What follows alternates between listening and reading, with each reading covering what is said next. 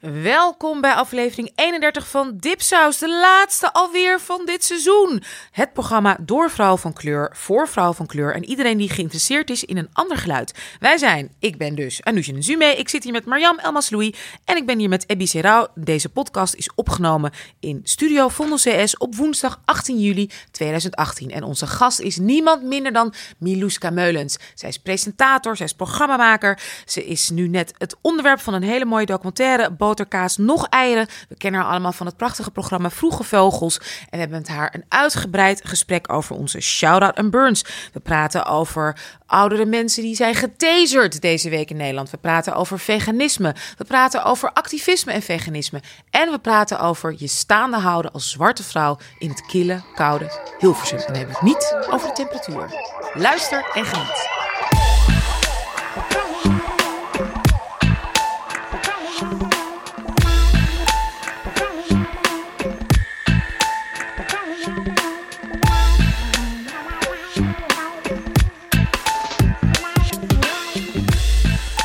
Hallo iedereen, ik ben weer terug van weg geweest, want ik ben er al twee afleveringen niet bij geweest. Ehm, ik ben een beetje fris en fruitig. Zoals jullie horen heb ik eh, eh, een leuk weekend gehad. Seksen, seksen voice. ja, dus ik, eh, ik ben Scarlett Johansson, maar dan woke. Ehm nou, wegens omstandigheden. Ik was, in, ik was even in Marokko. lekkere familiedrama's. Eh, ja, erf, eh, erfdrama, zieke tantes eh, en dat soort dingen. Maar ik heb er toch eh, wel van kunnen genieten. Want dan zie je wel familie. Want die zie je maar twee of drie keer per jaar. Dus ondanks dat we soms tegen elkaar hebben geschreeuwd, heb ik ze wel gezien. en, En je was in Marokko. En ik was sowieso in, eh, plus in, eh, één. in Marokko, ja. En dan, eh, en dan word je op allemaal hele rare taken moet je dan gaan doen. En dan moest ik zo... En, ik had daar een foto van gestuurd. Dan, ja, er komen veel mensen eten. Dus ja, zoek maar plastic voor de tafel. En dan denk ik, oké, nou ga ik, ga ik zoeken. En ik heb- ben op zoek gegaan naar een leuk printje op de tafel. Want ik haat... plastic tafelkleed. Ja, Oh ja, ja. weet je, die makkelijk schoon te maken is. Ja. Voor al die, k- want dan kan je de couscous er makkelijk vanaf eh, wassen. En de watermeloenpitjes van, eh, van het toetje. En, en ik vond ze gewoon allemaal lelijk. En ik heb het bijna niet gedaan. Maar toen belde mijn moeder heel boos. Ze zei, je haalt het vier meter lang. Dan heb ik het uiteindelijk toch gedaan. Yay. Dus En- wil is wet. ja, echt hoor. Oké, back to business. Vergeet je niet te abonneren op onze podcast via dipsaus.org. Daar zie je alle relevante links naar iTunes, Stitcher, Soundcloud en Spotify. En laat alsjeblieft ook een recensie achter, vooral op iTunes. 85 sterren en een leuke comment. En natuurlijk op onze nieuwsbrief vol leuke artikelen, links, memes, tweets, playlists. Yeah, nou, dus inderdaad, eh, hè, welkom allemaal in de studio weer met Marjam. Heel gezellig. Het is alweer de 31ste aflevering. Oh my god. Die we maken van seizoen 3 van Dipsaus. Het is de laatste voor de grote vakantie. vakantie. Zeg jij, Miluska, zeg jij zomervakantie of grote vakantie? Nee, zomervakantie. Ja, als, als op de basisschool, lagere school was het voor mij nog, Ja, zei ik grote vakantie. grote vakantie, Ja. precies. Wij zeggen dat eh, sinds twee jaar eigenlijk weer. Ja. Ehm, de grote vakantie. Goed, ehm, ja, het- er komen, zijn veranderingen op komst. Zoals jullie, sommigen van jullie wellicht weten, ga ik eh, met, met mijn man mee naar New York. dat is niet mijn keus. Ik ga mee als bruidje, Ah, tro- trophy wife. als trophy Maar wat ga jij dan doen? Geen idee. Creditcard en eh, botox, eh Fifth, Ave- Fifth Avenue. Fifth Avenue. En eh, nee, ja goed, ik, ga, ik hoop gewoon door met, met schrijven en met iets doen. Nee, ik kom, en ik kom ook regelmatig terug naar Nederland. Ik ben nu een tweede boek aan het schrijven. Dat komt ook uit in het najaar, dus daar kom ik ook voor. En mijn lieve moedertje laat ik alleen achter. Dus dat is ook heel, heel erg. Ik ben enig kind. Dus daar moet ik ook veel voor terugkomen. En ehm, ja, ik, ik vind wel wat. Ik heb nog nooit niet gewerkt, dus... daar zal ik ook wel iets gaan doen. Maar dat betekent voor Dipsaus dus ook dat ik dan straks... Kijk, als ik in Nederland ben, ben ik natuurlijk in de studio. Maar als ik niet in Nederland ben, dan gaan we inbellen. Gaan we Ja, Ja. exciting. Ja, leuk. Ik vind dat ook heel leuk als podcast dat doen. Eerst moest ik er wel een beetje aan wennen. En toen ben ik een beetje op zoek gegaan naar een paar podcasts die dat doen. En blijkbaar was ik de hele tijd naar een podcast aan het luisteren waar al ingebeld werd. Je maar hoort dat het hoorde niet. ik Ja, helemaal niet. Het kan echt heel goed. Als, I mean, if, if uh, Dag en Nacht Media, hallo Anne. als het goed gebeurt, dan is het gewoon, there's no difference. Sound, eh, nee, maar alleen het- ik zie jullie dan niet, toch? Of kunnen we ook skypen? Dat ja, je ook kan, wel, je kan ons wel... eh, Dat je, is dan helemaal kun je, tof. al- dan kan je wel Nou, dat zou toch moeten kunnen. Ze Ja. kunnen live verbindingen Ja. eh, Ze kunnen hè, brengen Ja. uit... Ze eh, kunnen vet wegzuigen uit dit deel van je lichaam en het dan hier of daar weer terugplaatsen. Maar hoe, la- Moet dat toch ook kunnen? Dus met tijdsverschil, vier uur 's ochtends. Goedemorgen. Nou, we gaan er gewoon voor. Goed. Maar anyway, jullie hoorden haar prachtige stem. Maar ik heb haar natuurlijk al even kort voorgesteld. Maar we zijn zo blij dat ze hier bij ons is. We kennen haar vooral van het Jeugdjournaal. Ehm, eh, eh, ze is ook onderzoeker, toch? Researcher geweest voor Zembla. Klopt dat? Ja, Ja, daar ga ik het ook met je over hebben. en En een van mijn eerste baantjes, baantjes. precies. En wat ik ook heel leuk vind, dat heel veel mensen, witte mensen, heel vaak denken of hè, vragen of ik jou ben. Jij bent toch van het Jeugdjournaal? Dat ik denk, ja, wat? joh. Nee, Ja. of dan vragen, oh, zijn jullie familie? Zijn jullie zusjes? Vanwege onze namen dan dus denk ik ook. Nu snap ik, oh, Anousha, Anousha. Miluska, ja. Dat ze dat daarom denken. Nou ja, Ja, ik dus, word ook wel eens Anousha genoemd, maar misschien heeft dat dan daarmee te maken. Ja. Dat had ik niet door. Nee, ik heb wel alles gehoord van Klokhuis Ja, tot ik eh, Klokhuis, ja. bij één. Hè? Want ik Oh, ben, ja, je natuurlijk al, ik ben natuurlijk. al 25 jaar Sylvana. Maar ik ben ook dus al 25 jaar Sylvana. Hè? Oh. Nee, maar we lijken gewoon Ja, allemaal. Hier zitten, ja. Ja. En dan krijg je ook vaak te horen, die vind ik nog steeds bizar, denk ik, op wie lijk ik nou in Sesamstraat? Heb jij wel eens goed? Gerda? Ja. Denk ik niet. Dan denk Nee, ik toch toch? Hakim. Ik denk dan, oké, dan moeten mensen denken dat ik Hakim ben. Daar Ja. lijk ik nog, nog het meest op Nog meer haar. op, Dan meer, op dan Gerda. ook Gerda, ja. Gerda met haar, wat, 70 plus of zo? Ja, ze, hey, she still rocks it. Oh, zeker. Ophakken, gewoon geef strakke mij, leggings. geef mij eh, I zo'n be 70. Ja. Echt, hè? Goed, maar goed, je bent dus bij ons en onwijs blij dat je er bent. We gaan het met jou hebben over natuurlijk je werk, ehm, eh, over eh, hè, hoe, hoe je staande houdt in, eh, in Hollywood. Maar we gaan natuurlijk ook met je hebben, ben ik persoonlijk ook heel erg in geïnteresseerd in veganisme. Eh, de documentaire waar je meegemaakt hebt, heb je ook medegemaakt met Rolf Hartog. Nee, ik heb Hollandse Rolf Hartogensis. Rolf Hartogensis. Hartogensis. En ik... ehm, Hebben jullie hem samen gemaakt? Of? Nee, hij, heeft, hij is de regisseur geweest. En we hebben ook vanaf meteen, vanaf begin gezegd van... oké, het was mijn idee ehm, om hier een eh, documentaire van te maken. En ehm, ik zag het ook voor me, maar ik heb het helemaal aan hem gegeven. Ja, Want ik kan niet mezelf regisseren. nee. En ik wilde het ook echt aangaan. En ook eh, de full Monty, weet je wel, met de billen bloot en alles. En ja, dat kan niet. Als ik iemand had gevraagd die ik heel goed ken, of mezelf, dan, dan ga je toch half. Ga je ga je verstoppen. Ja. Nou, het is zeker geen halve documentaire Nee. geworden. Boter, kaas, nog eieren. Eh, ja, we willen straks natuurlijk weten hoe het gaat met je vitamine B12 intake. Ehm, ja, heel erg veel met jou te bespreken. Maar we gaan eerst naar onze, onze vaste segmentjes. Ja, ik heb echt de segmenten gemist, dat moet ik echt zeggen. Ehm, de boek, Binge Watch en Broadcast. Dus wat we hebben gelezen, de boek, wat we hebben geluisterd, de broadcast, wat we hebben gezien, de binge. Nou, ik heb de afgelopen tijd heel weinig tijd gehad om iets te kijken. Maar ik heb wel tijd gehad om dingen te luisteren. En dat is Dissect, dat is de podcast Dissect. En dat is zeg maar een soort van, weet je, genius lyrics. Waar je um, je favoriete liedje ga je opzoeken en dan ga je eh, naar de tekst op zoek. En dan kan je op een zin klikken en dan krijg je uitleg van wat Beyoncé dan wel zou hebben bedoeld met Fast as a Lambo, weet je wel? Oh, leuk. Oh ja. En ehm, dus Dissect ben ik nu helemaal verslaafd aan, aan Frank Ocean. Dus ze dissecten, ze ontleden dus het album van, van Frank Ocean. Dus eerst Channel Orange, zijn eerste EP. Maar ze nemen dan ook een beetje zijn mixtape mee. En ze zijn nu begonnen met Blonde, zijn laatste album, waar echt vier jaar tussen zat. En het is echt zo leuk om naar, eh, om naar te luisteren. En dan hoor je een, eh, hoor je een, ik denk witte man, hoor je dan zeggen van... Yeah, and sweaty balls against my jeans. Frank Ocean must mean about when he was really aroused by a woman. En dan zit ik echt zo in de trein. maar goed, het is Ik ga, super. ik ga even googlen. Dissect. Ja. By a woman. Aroused by a woman. Nee, ja, nou, hij is biseksueel. eh, Frank Ocean. Dus hij Ah. houdt van mannen en van, eh, van Oh, vrouwen. dat hij gay was. Oké. Maar, maar, dat, maar daar hebben ze het ook over. Hè? Dan eh, gaan ze ook naar zijn interviews. En dan, eh, en dan gaan ze dan. Die ontleden ze ook een beetje van over wat hij heeft gezegd. Wat hij, eh, wat hij daarmee- daarmee bedoelde, et cetera. Dus ehm, ja, dat is eigenlijk mijn eigen, enige binge- binge-watch. De eerste week van Marokko heb ik wel wat boeken gelezen. Maar ik weet niet meer welke. Dat is zo lang geleden. Oh, nou ja. Goed Dus teken. Ja. Dus dat is het Dissect. Dissect de podcast. Maar Ja. Mariam, ik, heb, ik denk ook wel dat je... Ik heb wel iets dat jij gebinged hebt, gedwongen. En dat was dus onze roadtrip naar Parijs. Heb ik jou bijna het hele album van Black Star laten beluisteren. Hij was DJing, ze kon toch niks? Eh, dat, toch? Dat, dat Ja, Marjan moest ra- ra- reed, hè? En jij doet altijd heel goed. Jij bent zo'n geweldige bijrijder in Wies, hè? Echt. Klopt. Met altijd snacks op tijd, drankjes. En ook zo heel goed dingen ook vasthouden. Sommige mensen, zoals mijn lieve man, dat is op zich een gezellige bijrijder, maar die kwakt het dan zo op schoot of zo. Nee, je moet het gewoon goed doen. thee, dit is hier, nee. Nee, ik kreeg ook Maar de kerstjes echt... echt- ja. kreeg ik En heel ook netjes. al openmaken.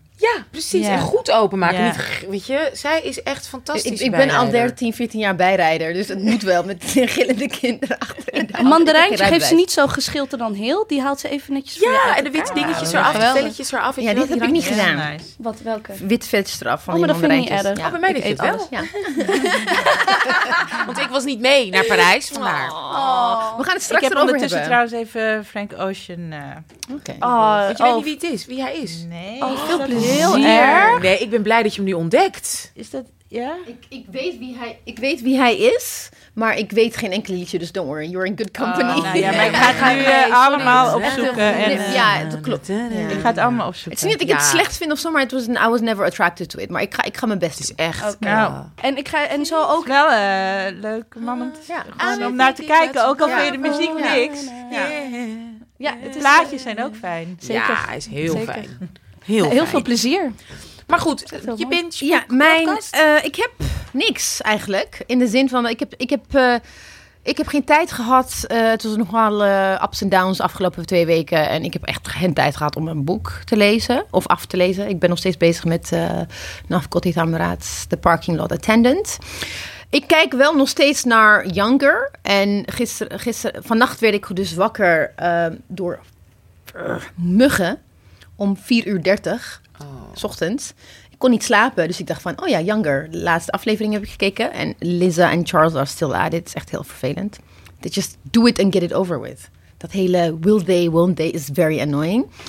ik heb ook de se- season finale van eh The Handmaid's Tale gezien. En dat was best wel No spoilers. Nee, nee, nee. Ik ga niet eh, spoilen. Dat was best wel heftig, maar ik vind seizoen 2, de tweede helft van seizoen 2, messy. En de finale dacht ik ook van, kom op jongens. Want volgens mij zijn ze voorbij het boek gegaan. Ja, allang. Ja, Ja, precies. En komt er zelfs nog een seizoen 3, geloof ja ik. daarom. Dus, dus de build-up naar seizoen 3 vond ik plot-wise... Seizoen 1 was zo sterk. Ik dacht van, kom op jongens. Jumping the shark already, weet je wel. Weet je waar ik wel gek van word bij Elisabeth Moss? Ja. Doe, je mond is dicht. Ja. Zij heeft altijd haar mond open. Haar acteren is echt... En half open, kwart open, helemaal. Het is echt haar, haar energie stopt ze altijd in. Hoe ver doe ik mijn mond open? Ik kreeg een Weet beetje je? te hoog ergernisniveau. Ik heb niet... eh, ik word daar gek. ik, heb, eh, ik heb twee afleveringen gekeken.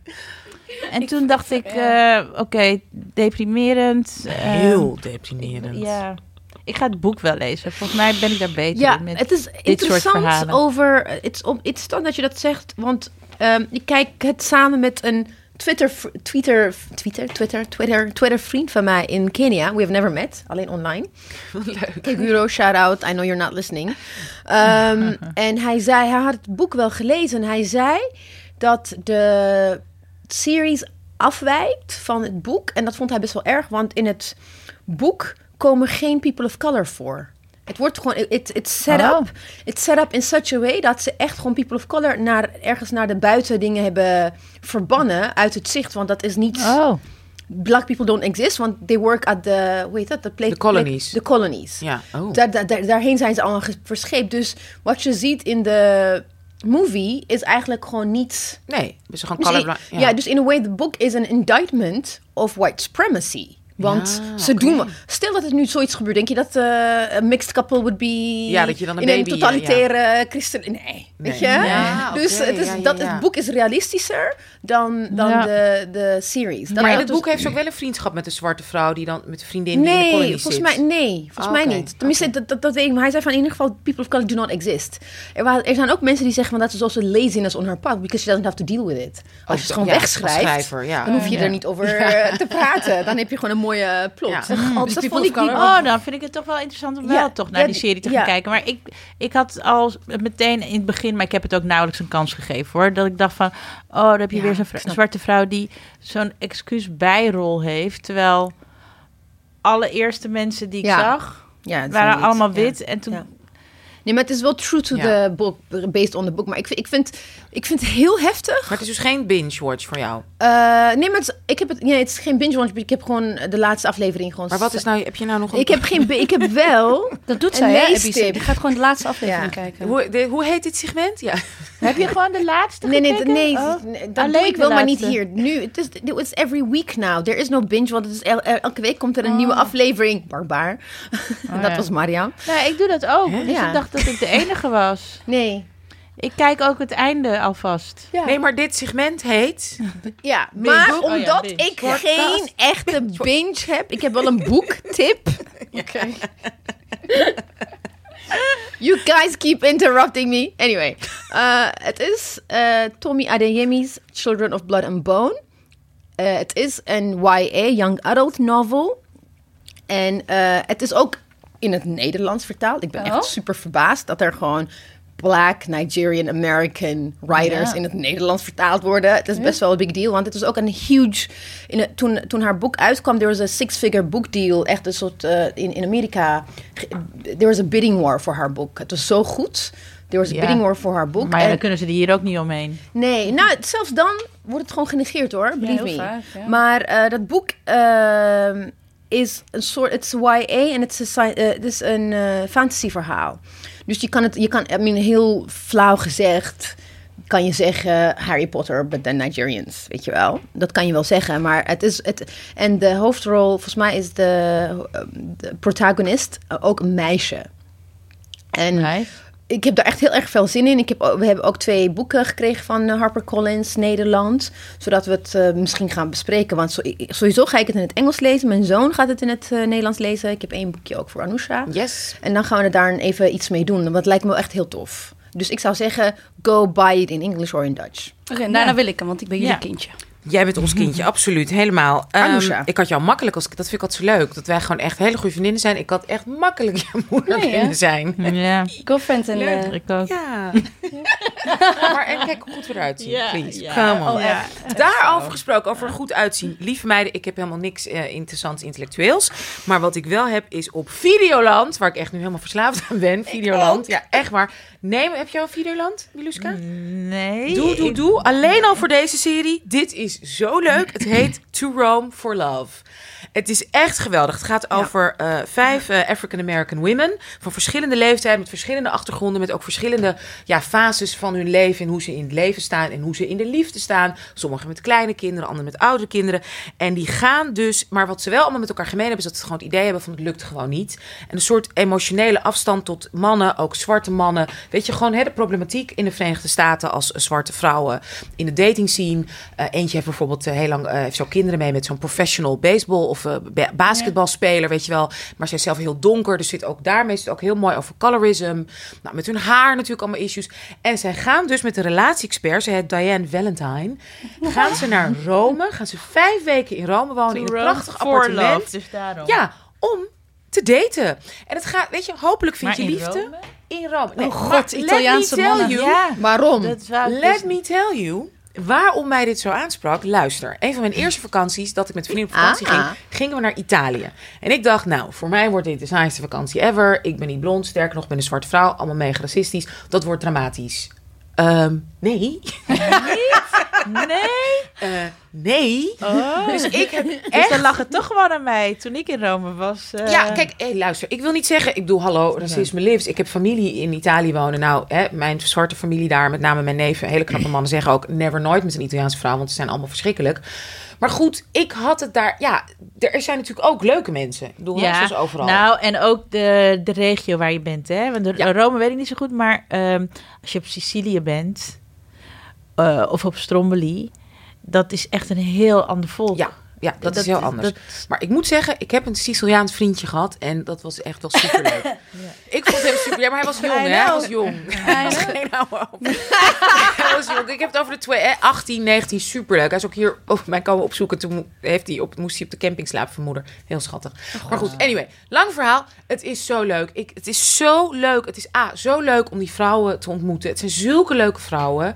Nou, Rome is zo prachtig. En het is zo ontroerend om vrouwen van verschillende leeftijden weer te zien daten. Een vrouw die wordt daar 52. Het is een vrouw die, die is, weet je, 20 kilo aangekomen, voelt zich zo onaantrekkelijk. Ehm, er is een vrouw die inderdaad heel erg onzeker is over dat ze zo donker is, terwijl ze is gorgeous. Eh, nou, er is een heel jong meisje die heel erg in de heer zit, maar dat ook eigenlijk een beetje gebruikt als een soort ding om afstand te houden van mannen. Sommigen gaan voor het eerst interracially hè, met, met witte mannen daten, maar er zijn natuurlijk ook zwarte mannen in Rome. Dus het is echt. Klinkt het leuk? Het is zo leuk. En het is ook, weet je wat ik zo fijn vind? Vaak bij realities zoeken ze een soort spanning met dat is de het is bitch. reality. Het is reality. Het is reality. Oh, Hebben ze kinderen ook? Sommigen hebben kinderen, maar ze hebben het heel goed. ge- En ze bellen ook. Kijk, wat ik zo tof vind, heel vaak heb je bij realities dat ze zo, oh, dat is de bitch, dat is de dit. Ja. Maar dit is behoorlijk genuanceerd. Ze hebben allemaal een warme kant. Ze hebben natuurlijk allemaal, weet je, het zijn gewoon vriendinnen. Wij hadden het in principe, zeg maar, kunnen zijn qua casting. Oh, leuk. En wat er dan gebeurt, ook tussen die vrouwen. Ook hoe ze haar verjaardag gaan vieren. En weet ik veel. En die Diane Valentine, ik vind haar echt heel te gek. Met ook voor mij echt hele goede tips. Dus echt, ik vind dit echt, ik kan dit iedereen Oké. aanraden. Dating tips voor jou? Nou ja, maar jij ik- bent toch al... eh, Nee, nee, nee, ik ben helemaal voorzien. Dus niet Ja. datingtips, maar wel hoe je in het leven staat. Ja. Want het gaat, Oh, nice. waar het eigenlijk over gaat natuurlijk, het gaat niet over een leuke man vinden. Het gaat over jezelf leuk vinden. Ja. Because self-love is the very first Ja, romance. en dat zelfs, zelfs ik. Nee, maar weet Ja, je, daar, ja. ik zit, wie struggelt daar niet mee? Ik bedoel, ik ben ook eh, 15 kilo zwaarder dan toen ik 22 was. Eh, ik bedoel, ja, ik ben 100 jaar met dezelfde man die, ja, ja, natuurlijk ziet er goed uit. Weet je, ik, ik word ook ouder. Ik denk ook op straat, ik bedoel, is het niet meer zoals vroeger, weet je. Maar toch Ja. daarin je groove vinden. Ja. Ik, ja, ik vond het, nee, maar echt is- geweldig. Ja, nee, ik, ik weet heb- precies Ja, wat je maar bedoelt. ik heb dus ook abonnement op Videoland. Heb jij hem gezien? Nee, the thing is, eh with me, ik, ik zag het op, op de algoritme en het- de omschrijving was omdat Italiaanse mannen zwarte vrouwen leuk vinden. Zoiets stond er. Nee, en for me, dus that was like that fetishisme. Ja. Eh, dacht ik van, ik heb, ik heb hier geen zin in. En ook Ja. Deels wat je zei, wat ik ook wel weet van eh, hoe black people are treated in, in, in Ja. It- It- Italy Ja. is like horrific. Nee, dat, In de, ja, Ja. maar ik maar weet dat wat je bedoelt. ook in, ja. die- weet je, ja. in hun die meiden Ja. uit het zuiden, Ja. nou hoe ze En daar waar- worden behandeld. het is gewoon- Nee, Dus sommigen ja, zeggen Het is ook gewoon allemaal. Ja. Het is overal. Nee, maar is ook nee, maar there's, shit. al- there's also this, this thing that if you're a black American in Europe, je hebt een andere status dan black people in Europe. Omdat de meeste black Nou, people daar, in zit, Europe... daar ontmoet je ook zwarte mensen die daar studeren, die daar wonen en werken. Dus het is Kijk, ik ga wel kijken. Ik ga echt niet zeggen, Italië is een geweldig land. En jongens, ga er naartoe. Ja. Weet je, absoluut. Ja. Ik ben letterlijk in kleine dorpjes dat ik niet in mijn eentje boodschappen Ja. ging doen. Weet je, in is prachtige Toscane, waar iedereen zo leuk vindt. Nee, Ik ging geen boodschap in mijn eentje Nee. doen. Snap je? Want ik wist gewoon, dan heb ik gewoon een kutochtend. Ja. Ja. Natuurlijk ontmoet je ook Ja. leuke mensen, Ja, maar absoluut, ook ja. shit. Ik heb Ja, daar maar ruzie Italië is wel een prachtig land, maar je komt op plekken, op, en zeker in het noorden, Ja, oh ja. Ja. waar, waar het gewoon heel slecht is voor zwarte vrouwen. Ja. En daarom ga ik ook niet naar Rusland of naar andere eh, Oost-Europese Nee, maar landen. Oost-Europese landen laat ik met- daar durf ik gewoon niet naartoe. Maar snap je, Luska? Ja. Ik ben half Russisch, dus ik kom Oh daar. ja, dat vergeet je? Dus dat is zo bizar. Dat, Oh, ja, dat vergeet ik ja, dus ik kom, ik ben Ja. heel Ja. regelmatig in Moskou. Maar En ben je ik- dan niet bang? Kijk, ik ben. Kijk, wat het net als in Italië, wat gewoon heel erg is in heel veel van die landen, is dat ze kijken gewoon naar hoe je eruit ziet. Ja. En als jij mooi gekleed bent, ik heb, ik heb niet voor niks een tassenvet is, ik heb altijd mooie schoenen aan. En als ik in Moskou ben in de winter, heb ik altijd een bontjas. Terwijl ik, hè, gewoon puur, gewoon perception. Want dan word je meteen anders behandeld. En dat is Ja. heel ernstig. Ja. Maar in die zin, qua zelfbescherming, is dat cruciaal. En Natuurlijk, maar van dat de doe je miljoenen toch- Russen zijn ze ook zijn er super leuke, warme. Ik bedoel, ik heb meer warmte ervaren. Echt, ik zweer het je. In Moskou dan in Nederland. On a daily basis. Want Nederlanders zijn gewoon hartstikke koud. Ze zijn gewoon Ja, koud. klopt. En Russen, ze zijn, ik zeg niet dat ze niet racistisch zijn, maar het is wel een warm volk. Mm. En dat is een ontzettend verschil als je daar lang bent, als je naar tijd bent, als je gewoon met mensen omgaat. Dus misschien heb je op Nederland word je niet uitgescholden op straat. En ik neem aan, hè, voor zeker onderhuids? dat er, ja, het is heel onderhuids. Maar weet je hoe ik nu ook net weer naar, ga ik jullie wel privé vertellen, weer behandeld ben met mijn oudste dochter op school. Dat ik denk, jezus, fucking Ja. Christ, weet je. En het wordt niet bes- besproken. Dat, dat, dat is daar eh, minder. Want als je gewoon in Ja. iemands hart bent, ben je in iemands hart. Klaar. En ze, hun harten staan open. Russen zijn qua hart, en dat geldt ook voor Italianen. Daarom heb ik ook vaak een connectie Ja, met Italianen. maar dat heb ik hebben ook. gewoon een open hart. Precies, klopt. dat heb ik ook met Italianen. Dus zelfs op die, op die vind ik dan echt bedreigende plekken in het noorden.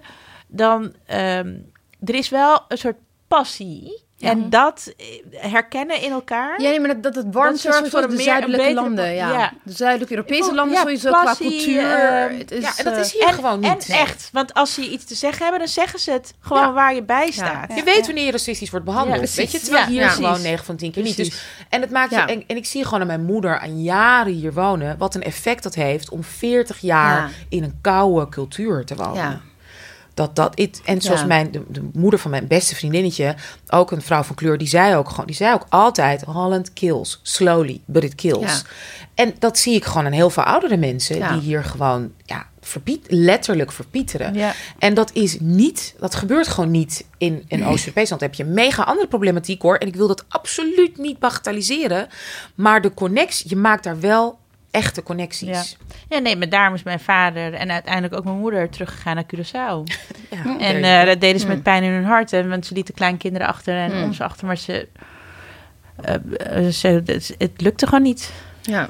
Ja, mijn Want ouders zeiden liever arm dan eh, zo. Ja.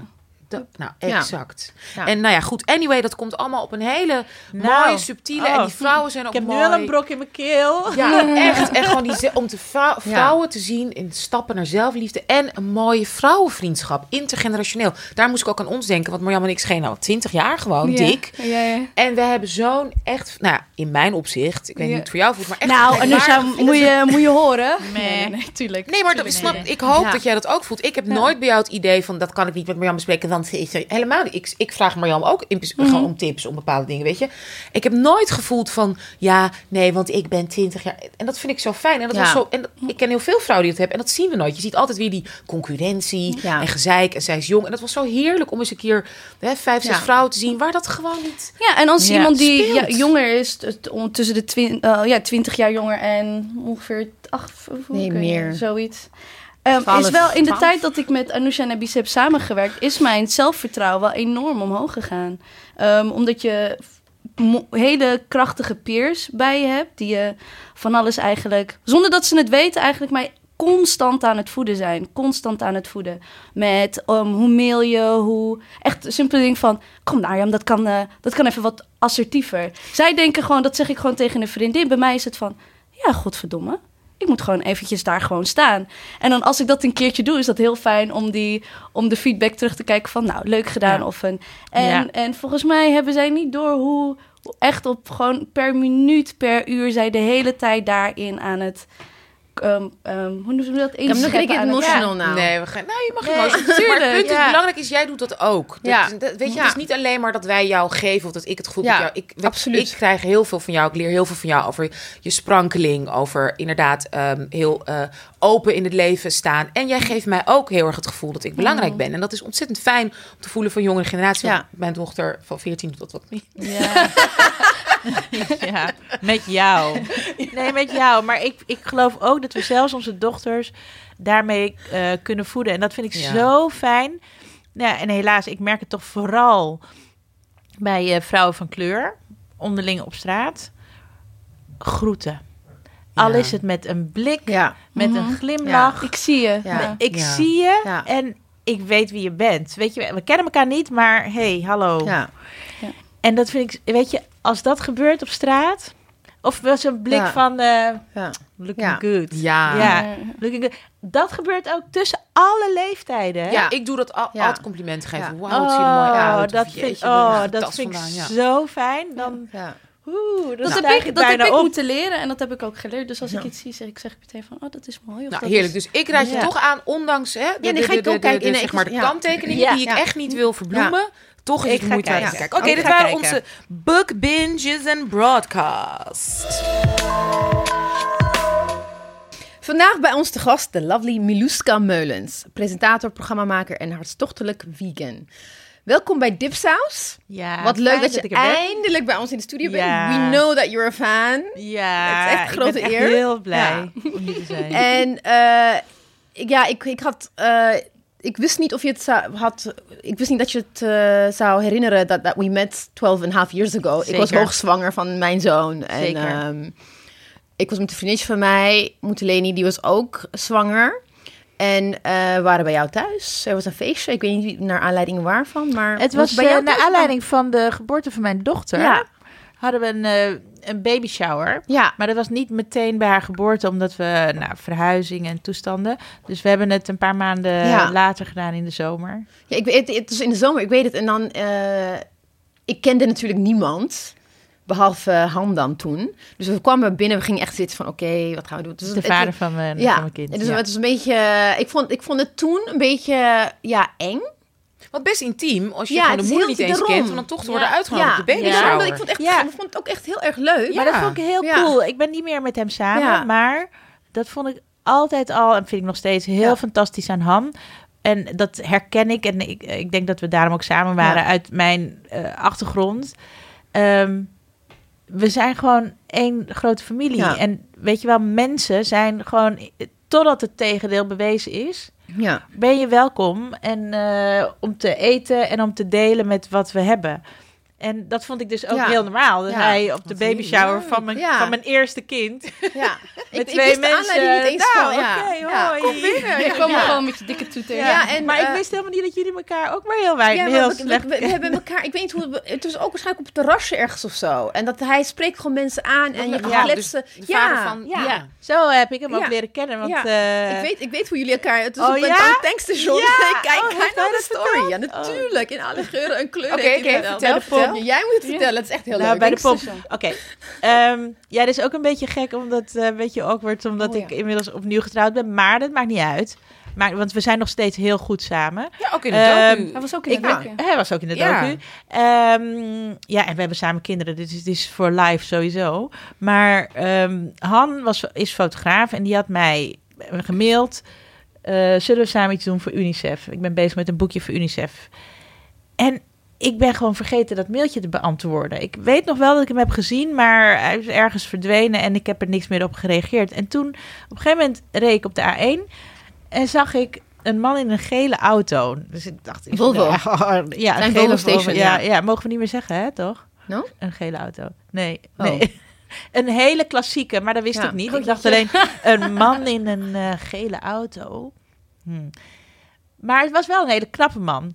En ik had een rood sportwagentje. En toen ineens dacht ik, ik weet niet, het was zo'n ingeving. Ik ga ook tanken. Oh ja? Dus ik ging er op het laatste moment af.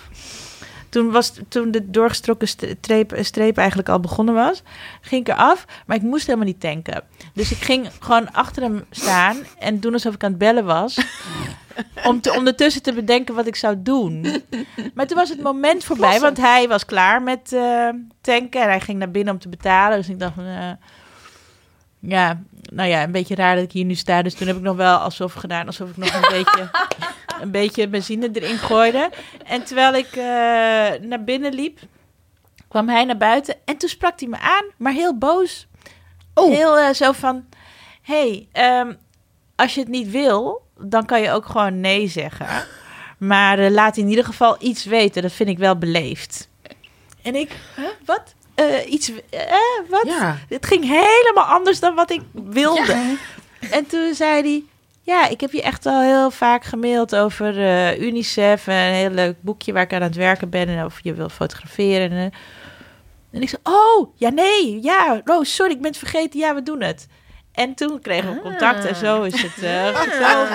Maar het is toch echt heel bizar dat, dat ik dan uitgerekend hem. En dat je hem dus ook leuk vond. Dat is, dat is natuurlijk en achterna ben gegaan naar de Getankt aan. Ja, Maar grappig dat hij ook meteen ervan uitging. Ja, je weet natuurlijk wie ik ben. En Ja. want ik heb jou gemaild. Ja, nou, ja, nee, hij herkende mij. Dus hij had Ja. zoiets van, eh, als je een verzoek krijgt en je wil het niet, Ja. zeg dat dan gewoon. Het is wel En dan- echt, even Ja. gewoon, dit is wel de Nederlandse manier.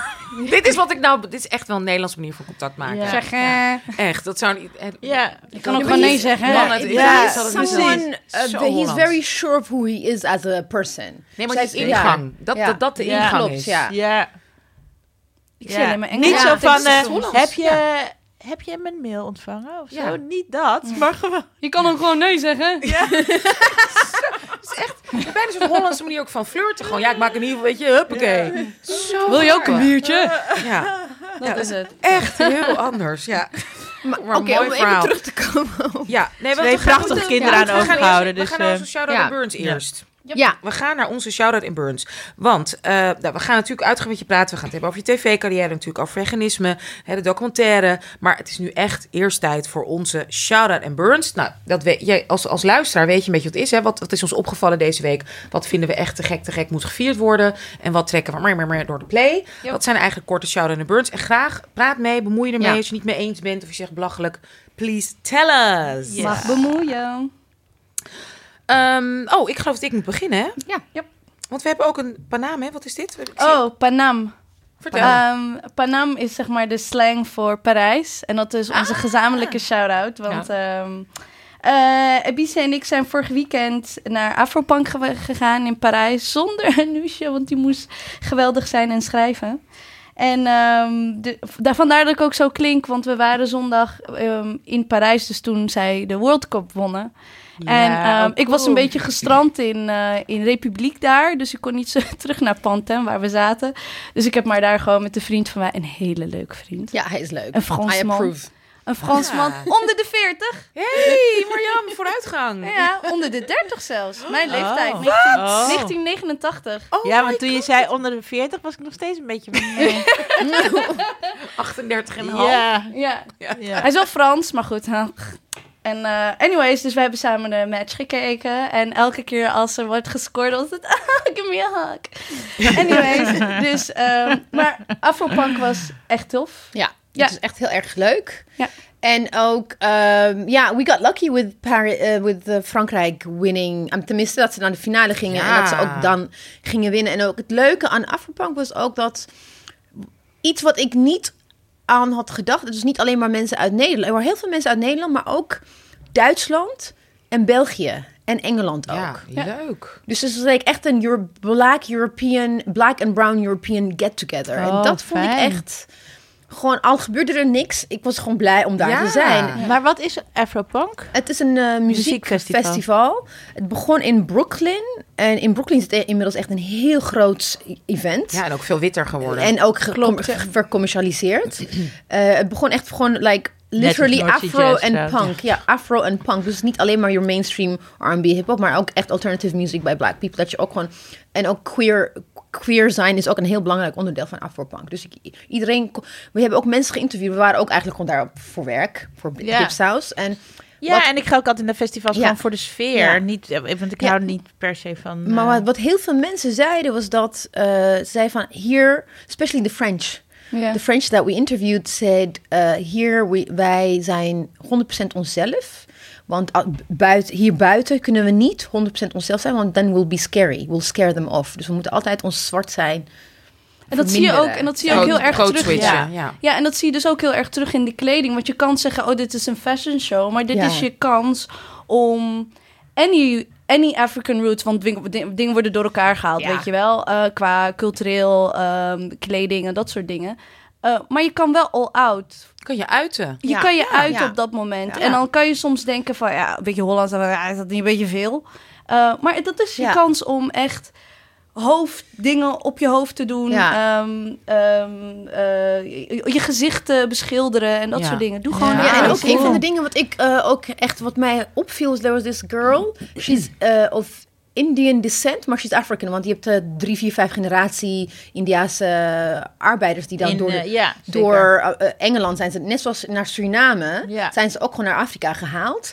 En she lives in London, maar haar ouders are like two, three generation like uh, Indian um, Africans in Tanzania, dacht ik. Ja, Tanzania. En zij kwam ook, maar zij had wel... What she had was like the Indian uh, jewelry. Oh, dus ze had niet die sari kente clothing of ze deed niet de Oh. Afrikaans. Ze, ze had wel gewoon haar sari top en haar, Oh, haar mooi. Indian heritage. Maar zei van ja, maar I- my parents are from Africa. I'm African as well, weet je. Dat, dat vond ik ook wel interessant om te zien. En in the end aren't we all. Ja, sowieso. Maar ik, Ja. vond, ik vond dat aspect... Dat zijn dingen die, waar ik niet over na heb gedacht. Ja. For example. Maar hoe is dat dan met eh, op dat soort festivals? Met bijvoorbeeld cultural appropriation. Ja. Want ik, ik, ik... Goed, uiteindelijk komen we allemaal uit Ja. eh, ergens in Afrika. Maar als ik eh, iets heel moois zie, maar het heeft iets van eh, Afrikaanse roots... Dan, denk ik, dan voel ik me niet heb ik gemakkelijk. ook. Dan, Dat dan heb voel ik- ik me bedoel, niet ja, gemakkelijk ja. om het te dragen. Ik. Omdat ik Mhm. denk van wie ben ik? Ik weet niet eens wat het betekent, wat de symbolen zijn, waar het vandaan Ja. komt, waar het voor staat. En uh, nou, dan kom ik toch maar weer een westers. Uh, ja, en ik, ik snap wat je bedoelt. Ja. Ja, Ik ja. snap heel erg wat je bedoelt. Uh, uh, want wat er nu natuurlijk gebeurd is, is dat dat kente clothing uh, heel erg mainstream is Bedoel je geworden. nou ook de Ankara print? Ja, de Ankara print. Ja. Kent, je hebt, Ja. Kente is de- specifically Ghanaian, you're right. De Je Ankara print. zel- zelfs Ja. op, de, op de catwalks. En, Ja, ja, ja. eh, Zeker. Dus het is heel erg... En dat heet dan colorful print. Ja. Ja. Stella McCartney heeft gewoon Dus letterlijk Anka- dat. Ankara print en noemt ze colorful Ah, print. Dus Ankara print is like proliferated. Dus in die zin is heel veel van de dingen die we zagen... heeft voornamelijk heel veel Ankara print. En ik wist dat iedereen daarvoor zou gaan. Dus me and her, she was wearing her nice Moroccan... eh, Pyjamas. pyjamas. Want wij hebben pyjamas met gewoon extravagant Ja. pyjamas. Ja. Ja. Ja. ik was daar gewoon letterlijk in pyjama. Ja. En eh, ik dacht, ik, ik, ik dacht gewoon, ik had niks, I didn't have like any Ethiopian, Ethiopian traditional clothing. Wat ik heb is heel erg eh, voor een feestelijk. Dat is, het is gewoon wit. En het is heel eh, gevoelig, dus ik dacht van, het gaat gewoon scheuren. En, en dan heb Ja. ik niks meer en dan ben ik 200 euro kwijt. Zijde of zo. Dus ik had gewoon, eh, ja, no, it's very thin cotton. Dus ik had gewoon een, ik, ik, ik, I was dressed plainly, dan val je op. Want iedereen is in elkaar. Oh, ja. En allerlei. Maar ik hou Ik heel erg even- van Ankara print. Nee, ik ook. Nee, ik bedoel meer van, ik snap, ik, ik zou bijvoorbeeld, ik zou eerder Ankara print dragen van Afrika dan bijvoorbeeld specifiek Surinaamse traditional clothing. Ja, ik voel me daar heel ongemakkelijk Nee, bij. snap ik. Ja, ik voel me daar Maar heel ik denk dat het- ik vind het prachtig, maar ik denk, Wie ben ik? Ja, Wie ben Ja. ik? Maar Ja. ja. maar Surinaams heb ik ook al helemaal bij. Ja. En dat heb ik zelfs met Kitty Kotti. Ik ben er dus nog nooit geweest. Oh nee, Kitty Kotti wel trouwens. Ehm, nou haal ik twee dingen door elkaar. Kwakkoe. Kwakkoe wel. Kitty Kotti niet. ah, oké. Ben ik nooit geweest.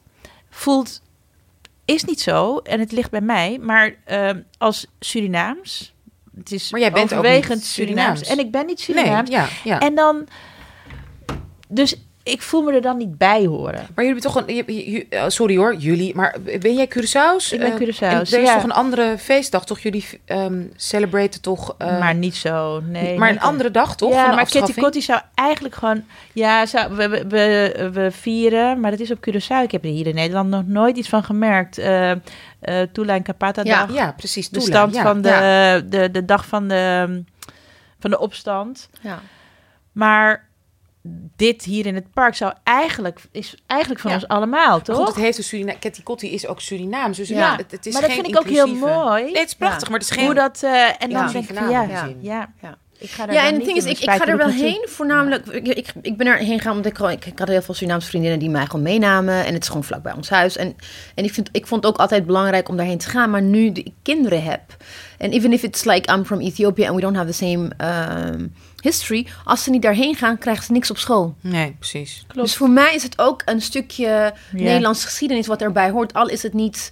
Ja, ben ik als een Black Ja. African niet directly involved ja.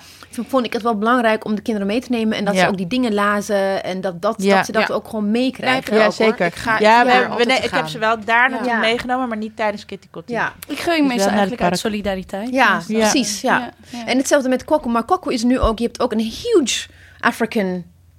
eh, de Nigerians hebben een eigen huge... eh Ja, maar dat is cool Paviljoen. nu van, van Dus- Kwaku, Dus ja. Ja. is niet al lang niet meer... Nee, eh, Kwaku al Ja, lang is niet meer, nee. ook van ons. Al lang niet meer, ja. ja. Kwaku hebben we al lang maar er komt een bonusaflevering meer over Parijs en Ja. Afropunk. Maar dat was even onze shout-out.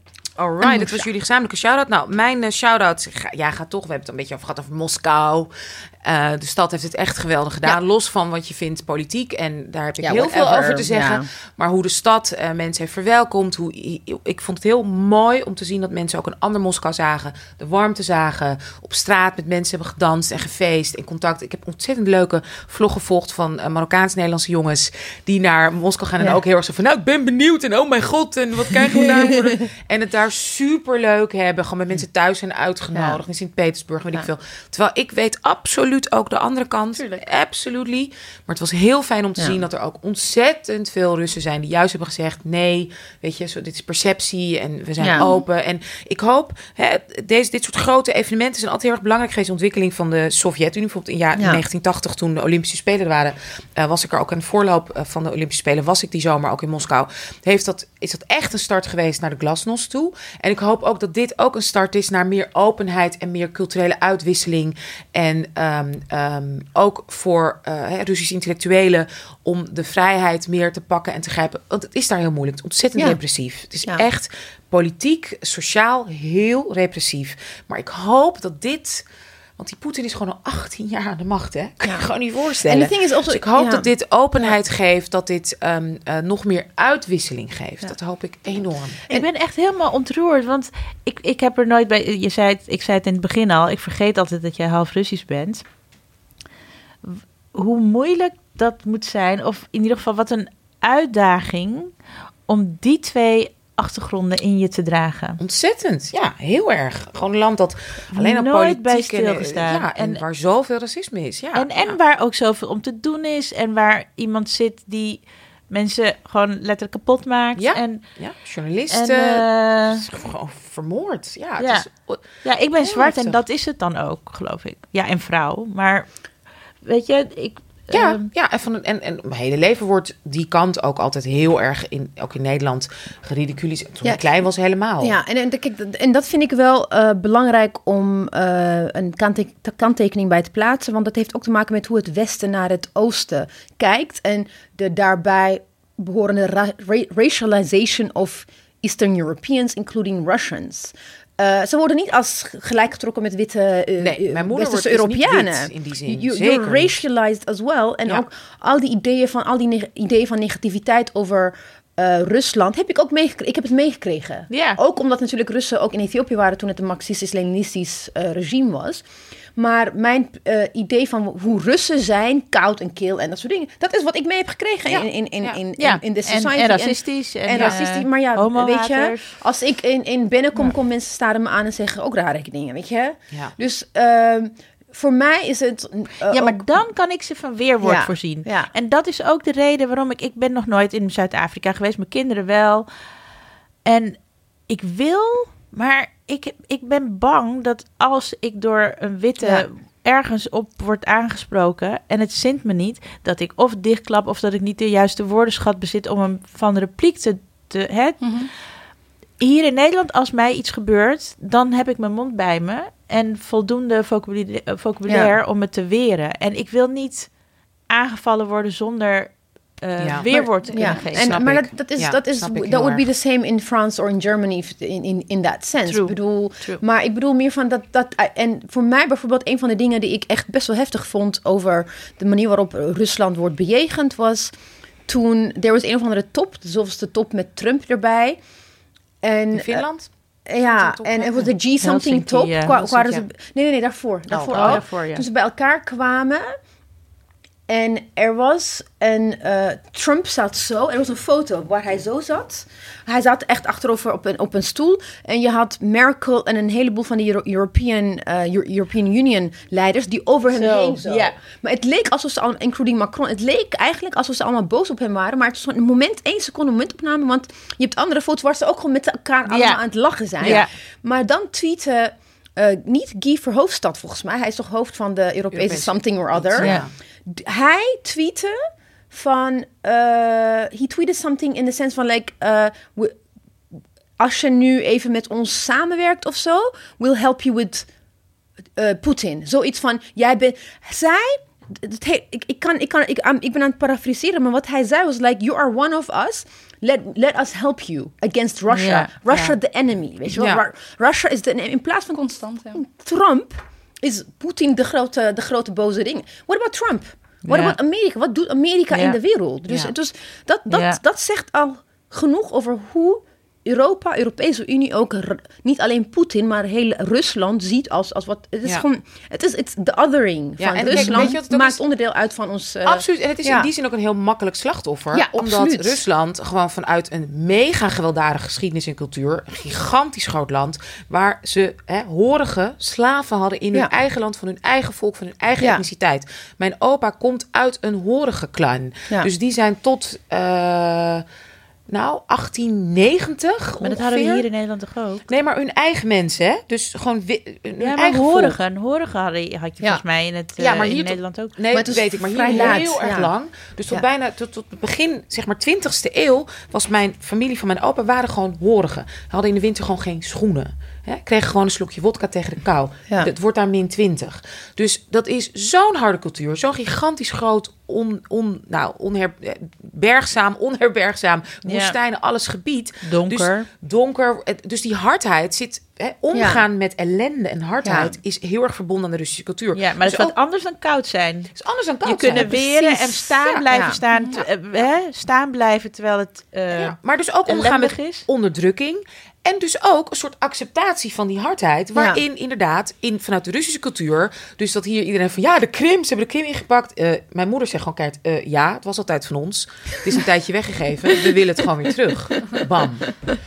Dat is zit Ja. van... eh, ja, dus als wij dat gewoon terug willen... dan gaan we Ja. het terughalen. Ik bedoel, als jij iemand jou afpakt... ga ik jou ook terughalen.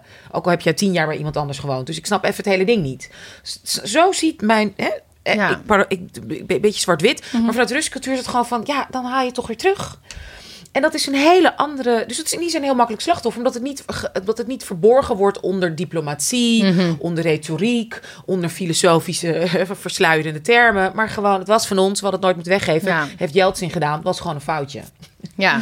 Snap je? Dus Ja. dat is heel lekker om daar tegen ageren vanuit de Ja. cultuur. Waarin dingen wel mooier worden gemaakt. Waarin dingen omvloers worden eh, aangesproken. Waarin eh, tops aan de. Hè, waarin oorlog opeens wettelijk is. Hè, en inderdaad terrorisme niet wettelijk is. Terwijl daar wordt dat in ieder geval begrepen. Tuurlijk ga je met stenen gooien. Zouden wij ook Ja. doen. Zouden we de revolutie zijn. Zo zijn we gestart. Snap je? Dus het is een hele andere Ja. ingang.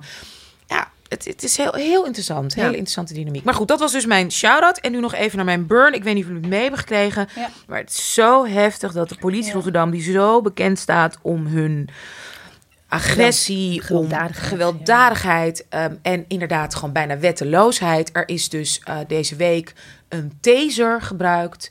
in een tehuis waar Och, ja. demente bejaarden wonen... Ja. Waar een man 73 van 73 jaar, van 1,65 meter die 60 kilo weegt, is getaserd, terwijl dat dus niet mag. Dus ook de politie dus kennelijk met dit soort wapens, wapens, de straat op gaat met nog niet eens een duidelijke kennelijk geweldsinstructie. En het waren geloof ik drie politieagenten die hebben besloten, dus die man, die was gevaarlijk voor zichzelf en anderen, te taseren. Dus die man die was verward, die had een delier, omdat er was, hij had volgens mij een blaasontsteking, of was iets gebeurd, dus medicatie, dus die was helemaal geflipt, bang, wilde weg, had het over oorlog en had inderdaad iets in zijn hand. Ja, dat zal best dat dat, hè, dat, dat heftig was geweest. Heeft een raam ingeslagen, was dubbel glas, dus het is niet helemaal stuk gegaan. Maar een man van 1,65 meter, 73 jaar oud, 60 Ja, kilo, 60 is getaserd. Hij En is, eh, waar komen we achter een paar dagen hij is later? nog tengerder dan ik. He is Een not white. eh, zwarte man. Ja. Ja, Het is een zwarte man. Ja. Daar ben ik een paar dagen... Nou, en ik... Ja. ik Ja. nou, het is... ik zag die foto ook op Twitter. Oh, die. Het is, ik, ik, ik, ik word daar gewoon zo wanhopig van. Er zit zo'n Ja. motherfucking burn wat mij Ja. betreft. En dat ook zelfs met politiek. Dat de ene minister Grapperhaus van Justitie... die zegt, ja, nee, het is niet netjes, maar goed dingen gebeuren. en de ja. minister gelukkig van Volksgezondheid, de jongen geloof ik... die heeft gezegd van, ja, nee, dit kan eigenlijk niet. Dus is ook... Het is niet eens keihard af. Nee. af- het wordt niet eens Nee. afgestraft vanuit de politiek. Nee, maar sowieso, waar blijft eh Politie wordt nooit afgestraft. Tegenwoordig sowieso? Er is ophef over totaal Er is wel een gigantische dingen. ja, over het verdedigen eh, van politie. Terwijl als ik ooit wat heb geleerd, is het speak truth to power. En dat je... Ik ga er eigenlijk altijd vanuit... Alles wat de politie naar buiten brengt, vind ik een leugen. Totdat het tegendeel is bewezen. Eigenlijk ga ik daar altijd van vanuit. Terwijl je daar echt heftige reacties krijgt. Ook op Twitter van mensen waarvan je denkt van... Oh, die zijn best wel links. Terwijl links bestaat niet meer in Nederland. Dat je denkt van, oh, waarom schaden die zich zo hard achter de politie? En mijn reality check was echt, denk volgens mij vier jaar geleden... toen een jonge Marokkaans-Nederlandse jongen van tien jaar... tijdens de ramadan onder schot werd gehouden. Ja. Bijna een half minuut Ja. lang. Ja. Ehm, Ja, s'nachts. tijdens de ramadan kom je s'nachts eigenlijk pas tot leven. En hij ging van de ene huis naar de andere huis... van een familielid of zo. En hij leek wel op iemand die een, eh, die een tankstation had overvallen of zo. Een En tienjarig kind. Ja. Ja, volgens mij 12 of Oh my i- God. 12 Tien, of, ja, zoiets. of 11 zoiets. Oh ja, en toen had ik, was ik aan het tweeten en toen had ik de leeftijd. eh, volgens mij zei ik eh 12, maar was hij 13 of zo. Ik weet het niet meer precies. En dan wordt daarop gefocust Ja. door Ja. linkse mensen. Ja, hè? ja. Linkse Hij was mensen. 13. Kan ik heel, ja, nee, Ja. hij was 13 hoor. Zei ik, I don't give a rat's ass. Ja. Ja, maar het bleek dat hij de. Wat ja, maar. Ja, Ja. maar is, Ja. betekent nee. Dus je Maar gaat dat gebeurt nu dus ook, ook bij een ja. 73-jarig man van 60 kilo. Gebeurt nu ook inderdaad, ja maar. Want eigenlijk zijn altijd, en dat wordt toch heel vaak gezegd van zwarte kinderen of kinderen van kleur. En in Nederlands context vooral zeg maar Marokkaanse jongens, die zijn nooit kind. Nee. En dan zelfs, maar je, zelfs nu kan je niet eens bejaard en dement nee, zijn. Je bent, niet je bent niet eens meer bejaard. Dan ben je gewoon gevaar voor jezelf en anderen. Ja, Het is echt ongelooflijk. schrikkelijk. Ja. Ja, dit is echt, eh, ja, dit is eh, heel eng. police. Maar hoe doen jullie dat dan? Fight the power. Ik, eh, maar hoe doen jullie dan met je, met je kinderen? Want, ehm, weet je, ik heb ook een, vind ik, heel gezonde wantrouwen naar sowieso autoriteiten en zeker de politie. Ehm, maar mijn zoon is nu net negen en die ziet dan eh, politie te paard of politie op een motor of zo. En dat vindt hij cool. Ja. Dus dan gaat hij eh, ook high five geven of even lachen en proberen dichterbij te komen. En uh, laatst mocht hij zelfs uh, even op de motor.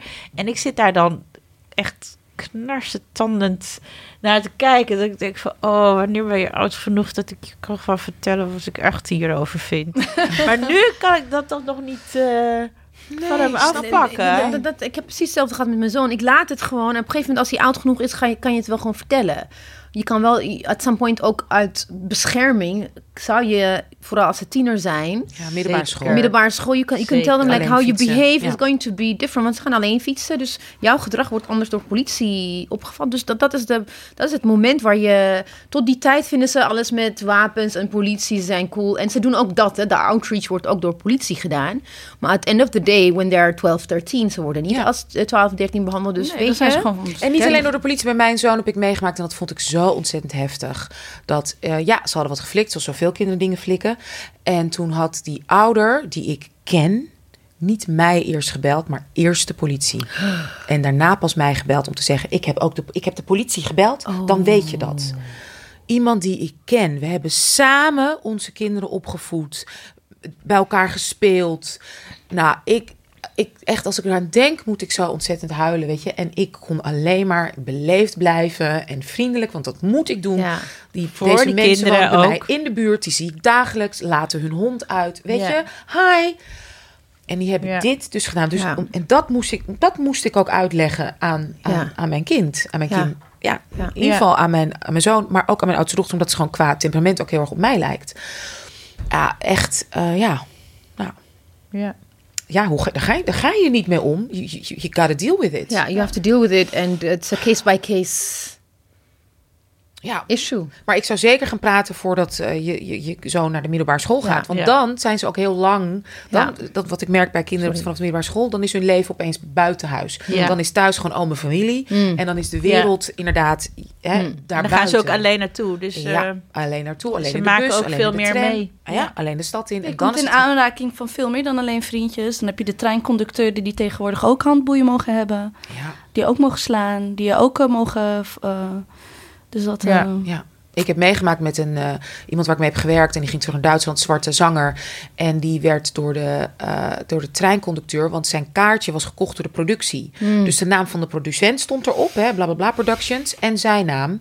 En degene die het had geboekt, had zijn eigen naam gebruikt, geloof ik, in plaats van de zakennaam. Dus er stond Jan de Vries en zijn Afrikaanse naam. En de politie oh, en de conducteur zei: Ja, je hebt dat ticket gejat. Weet ik veel van wie het is, want deze man heeft het betaald. En dat ben jij niet. Echt zo.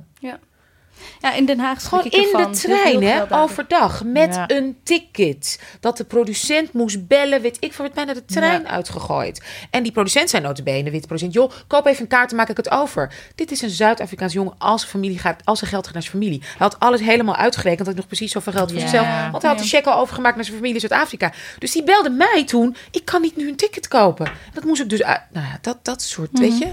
ja. Oké, dat was Ah. jouw burn. Ik heb ook nog even een korte burn. We moeten op de tijd letten. Eh, dat knip ik eruit. Ehm, ik heb een burn eigenlijk. Ja, ik ben hier eigenlijk altijd Marokko aan een klein beetje. De politie, Marokko, politiek Marokko ben ik eigenlijk aan het eh, burnen. Elke, every other episode. Maar hier gaat het vooral specifiek om ehm, de vakantie. Dus de grote vakantie komt eraan. Dus dat betekent dat heel veel van de Marokkaanse diaspora naar Marokko gaan.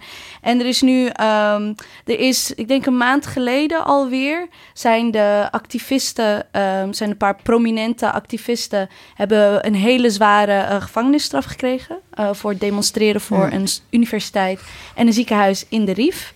Ehm, dus eentje heeft 20 jaar gekregen, de, de prominente gezicht, Nasser Zefzefi. Die krijgt 20 jaar, moet in de gevangenis zitten. Ehm, de nummer 2 noemen ze hem, die heeft al vijf jaar gezeten, die krijgt er nog een eh, eh, 20 jaar bij. Ehm, en daar waren demonstraties in Den Haag en ook kamervragen vanuit eh, verschillende Tweede Kamerleden. En eigenlijk wat de minister van Buitenlandse Zaken, ik ben even zijn naam kwijt, die kale man. Die heeft eigenlijk gezegd van... Oh, bij, eh, wie is nu de... eh, Stef? Sping? Spong? Spikkie? Nee, nee, nee. Oh god. Nou, ik ga het even googlen. Ja. En, eh anyways, eh, gewoon een witte man.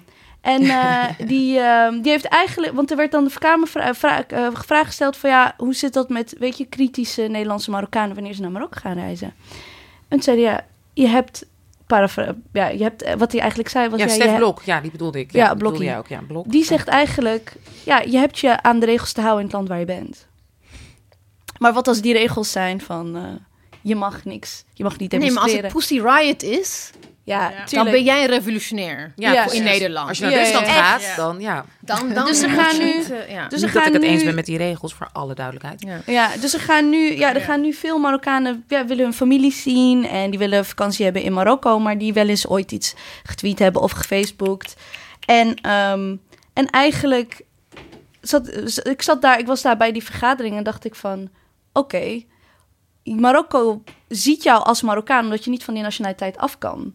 Dus als jij daar wordt gearresteerd of meegenomen tijdens een demonstratie, dan ben je gewoon een pineut. Want dan word je gewoon beëcht als Marokkaan. Of je moet wel mensen hier in Nederland hebben die voor je willen twitteren. Bijvoorbeeld in 2012 toen een eh, vriend van mij, Yuba Zalen, hoi hoi, eh, werd gearresteerd toen hij bij een demonstratie was. En die heeft bijna vier, volgens mij vier dagen heeft hij vastgezeten totdat we de totdat eigenlijk hier bij de NOS en Teletext dat begon. Een beetje druk. Maar die druk is ook weg na, na zeg maar de hele chaos in het Midden-Oosten, na 2011, na de Arabische lente, is Marokko het stabielste land geweest in Noord-Afrika, in de MENA region, Midden-Oosten, Noord-Afrika.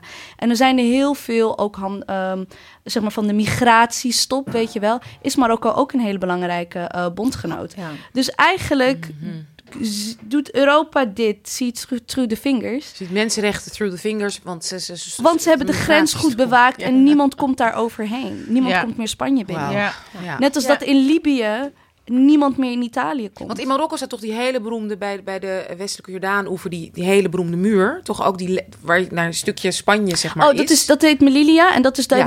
Marokko, heeft, Marokko heeft nog meer dan vijf Spaanse- nog bezette Spaanse, Spaanse gebieden. gebieden. Ze heet En één daarvan- heet dat. Gewoon Ja. bezet. Ja, ik, als je daar geen Europees paspoort hebt, kan je daar niet naartoe. Als. Marokkaan kan je daar niet naartoe. En daar zit inderdaad, inderdaad een hele grote ehm ehm, prikkeldraadmuur, waar ook geschoten wordt. En vroeger, voordat de prikkeldraad op zat, zaten mensen dan op die muur. En te wachten tot, tot ze er misschien net niet werden neergeschoten, Ja. dat ze de andere kant op. Echt Twee jaar geleden- Zoals in Berlijn. eh Ja, Berlijnse ja, gebeurde. Dus weet je, ik maak me eigenlijk al lang niet meer echt zorgen wanneer ik daar naartoe ga. Weet je, ze kennen me al. Ze kennen me al lang. Mijn, mijn nichtje ging trouwen, en, maar die gaat, in de, die gaat de politieagent trouwen. En dan krijgt ze een soort van inter, interrogation. En de eerste om wie ze vroegen was eh, die Mariam Masloui. Ken je haar, eh, wat dan ook. Maar ze heeft me volledig ontkend en terecht ook, weet je. Doe dat maar. En eh, dus ik weet... Maar zij weten ook mijn positie op internet. Ze weten alles, weet je wel. Dus Deze- ik, ik ga ervan uit dat Ebise gaat tweeten. Als er mo- mocht er ooit iets over eh, in Marokko of uh, Arzu? Aslam. ja, Anousha, weet je wel. allemaal. Ik ja. ook. maar hoor, ik denk, ik dat, ook. ik, denk dat, ik denk dat heel veel Marokkanen die echt solidair zijn met de, met de beweging daar nu, niet naar demonstraties durven in, in Marokko of daar iets over durven te zeggen. Ja. Ja, Dus ehm, dat is echt mijn, echt, echt mijn burn. Dat ook vanuit Europa, de, wat je net zegt, zo, die, dat de hypocrisie. Van ja, jongens, jullie hebben. Ze zeggen gewoon van je hebt de gewo- Hij zei, je hebt de wetten en gewoontes van dat land te respecteren. Stef Blok zei dat dus. onze Ja, minister van maar dan kan je ook zeggen van, oh, oké, daar is de, daar kan je nog steeds ehm, als vrouw eh, verkracht worden en er gebeurt niks. Zijn dat ook dezelfde gewoontes die wij in Europa respecteren? Dus het is één groot hypocriet. eh. Ah. Mijn burn sluit ook echt precies op eh, jouw eh, thema aan. Ik was gisteren naar eh I, de I Film Museum, omdat een vriend van mij, eh, die woont in New York, Josh Beagley. Volgens mij zeg ik zijn, naam, zijn achternaam verkeerd. Hij er was een screening van zijn korte docu. Het, ehm, het heet Best of Luck with the Wall. Het gaat dus over muren en het hele... Er, waren, er, er was een sc- screening van vijf korte docu's, waaronder die van hem. Eh, en thema was walls. Dus ook, eh, er was een stukje van een, een, een Marokkaanse kunstenaar over een wall in Tanj- Tan- Tan- Tanger. Tanja. Tanger. En ook, eh, het ging voornamelijk over de Mexican, the wall van Trump. En dat was naar aanleiding van, ehm, de screening was problematic, daar ga ik niet op in echt. Ik ben echt zo, op een gegeven moment zei Josh ook van, if you want to leave now, I understand. Hij zei, het was, het was hij. Maar het was zijn film. Nee, eh, hij was een van de vijf. En waarvan twee door Nederlandse docu... Die waren echt, echt... Dat, dat typisch white people going to exotic lands en dan do- documentair. Dat, dat heel erg dat... De witte blik. de witte blik, dat antropologie van eh, de 18th century colonialism. Ja. Op een andere manier kwam het gewoon terug. Het was echt... En he is American. He lived in California. Dus hij ziet hoe Nederlanders naar die situatie Mexico-Amerika kijken. Hij zei van, he was apping me like, make it stop. Gewoon, hij was echt in shock. Wat wij normaal vinden voor hun, voor Amerikanen, is dat dit soort ignorance bestaat eigenlijk niet meer. Tenminste, niet op zulk niveau. Maar en wat dan? Kan je even Ja. specifiek zijn? Nee, het was eh, de manier waarop in de Q&A, de manier waarop over de migrants wordt gepraat. Gewoon de taalgebruik sowieso. Ja. En het was in het Engels. Ik weet ook wel dat het, het had te maken met hoe je de woorden vindt. Maar ook, so when you're uh, traveling there between, uh, in, those, in Arizona, waar die migrants die, die dan de, de border crossen. En they, omdat het echt, it's the desert. Net zoals in, in, in peop- a lot of people die. Dus you find, soms vind je lichamen. En maar de manier waarop dat gezet en zo, and then you're walking and then you see a dead body. Zo heel Zo heel bot. bot. En hij zat echt zo. En he was moving en ik was echt aan het zuchten en ik werd helemaal... Ja. Ik, en, en, maar alles, het allerergste was, het, dit was allemaal naar aanleiding van this huge tentoonstelling van, ik moest de naam even goed zeggen, Ale- Alejandro Iñárritu. Hij is een heel bekende, Ja. beroemde... Hij is een beroemde eh, Filmmaker. reg- regisseur, Ja, Mexicaanse. die- en ju- jullie, we kennen hem allemaal als eerst van ehm Amores Perros. Ja, precies. Oh, ja. Amores Perros, Ja. Birdman, Beautiful. Birdman, ja. En ook The Oh, Revenant met... gedaan, eh, ja. ja. The Revenant eh, met die, hoe heet die, die gast? Leonardo DiCaprio. Lea- Hij is plus DiCaprio. 40, but I ja. Maar his, his claim to fame Nee, is voor hem ben je Amores te oud. Oh, ja. Hij dumpt zijn vriendin als ze Wie? 25 wordt. Alejandro goed, ja. of... eh, DiCaprio. oh. Ja. Nee, maar even. maar eh, dus dat was. There's a huge VR virtual rea- reality installation van hem, van Iñárritu. En het heet Carne e Are- y Arena. Ik kan geen Spaans, dus ik weet niet precies wat het betekent. Het, Vlees en bloem of Ja, meel. Vlees en, en meel. het is een Oscar-winning winning virtual reality. I had no idea. Ik moest het dus opzoeken. Installatie dat nu, het is door AI. En dan straks gaat het naar Rotterdam. En daarna gaat het eh, rondreizen in Europa. Het is een individuele ervaring gebaseerd op waar gebeurde verhalen van migranten uit Mexico en Centraal-Amerika.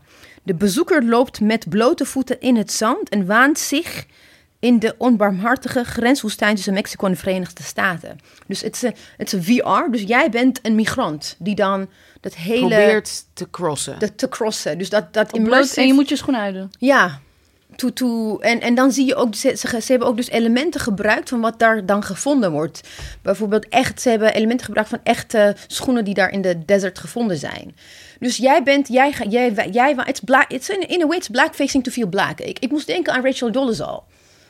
Dus jij moet, jij moet in een, jij je gaat migrantje spelen. je gaat migrantje spelen, zodat je, Ja. you can empathize. En for me, Ik, ik merk steeds vaker er van dat, soort, van. van. dat soort... Ja, het is bijna een evenement of zo. Ja. Of, een, of een, een attractie of iets. En- Weet je en- wel, ja. heb jij al een keer eh, voor Vluchteling gespeeld? Ik, ik merk dat echt steeds vaker. Dat, ze, dat mensen zeggen... Kom bij ons. Of, of nee, niet eens dat. Niet, eh, niet eens als evenement, maar van... Hey, kijk, deze kunstenaar, deze fotograaf, deze filmmaker... Heeft twee weken lang ervaren hoe het is om een vluchteling te zijn. En ehm, hij is op blote voeten door eh, van daar Ja. naar daar gelopen. Ja, ja, je- Met zijn mooie, goede rugzak Precies. uit, eh, weet ik Ja, veel, de, ja. de outdoor, eh, de outdoor superstore shop. voor 300 En het ding is, ja. als je kijkt bijvoorbeeld... Met eh, niet uit de prullenbak Ja, hoeven eten, ja, want je ja, we, we hebt ja. gewoon je creditcard Ja. bij je. Met, Ja. Hoe Ja. durf je echt? Precies, en het ding is, kijk, er zijn ook natuurlijk investigative journalists die dat doen om om eh, met verhalen naar boven te komen. Van, om echt Ja, maar onthullingen. registreren Dat vind is- ik wat anders. Ja, onthullingen vind ik wat anders. Registreren. Maar dit is gewoon VR, virtual reality. Dus jij, jij moet wat, ik weet niet hoeveel euro betalen. Om, eh, je moet twee weken van tevoren boeken, want het is echt heel... ja, helemaal heel- uitverkocht. Het is helemaal uitverkocht. Oh my god. Maar ook om het link te leggen met Europa. En dat was toen echt, ik ging bijna janken. Maar ik dacht van nee, ik ben boos, ik blijf boos. Eh, ik heb het niet gezien. Het, dat hele screening was naar aanleiding daarvan. Van laten we Ja, was- een randprogramma eromheen eh, organiseren. Er is een sequence in dat virtual reality waar eh, it shows refugees being tipped over a boat. Dus die bootvluchtelingen. Er is gewoon een visie, visueel waar, waar mensen.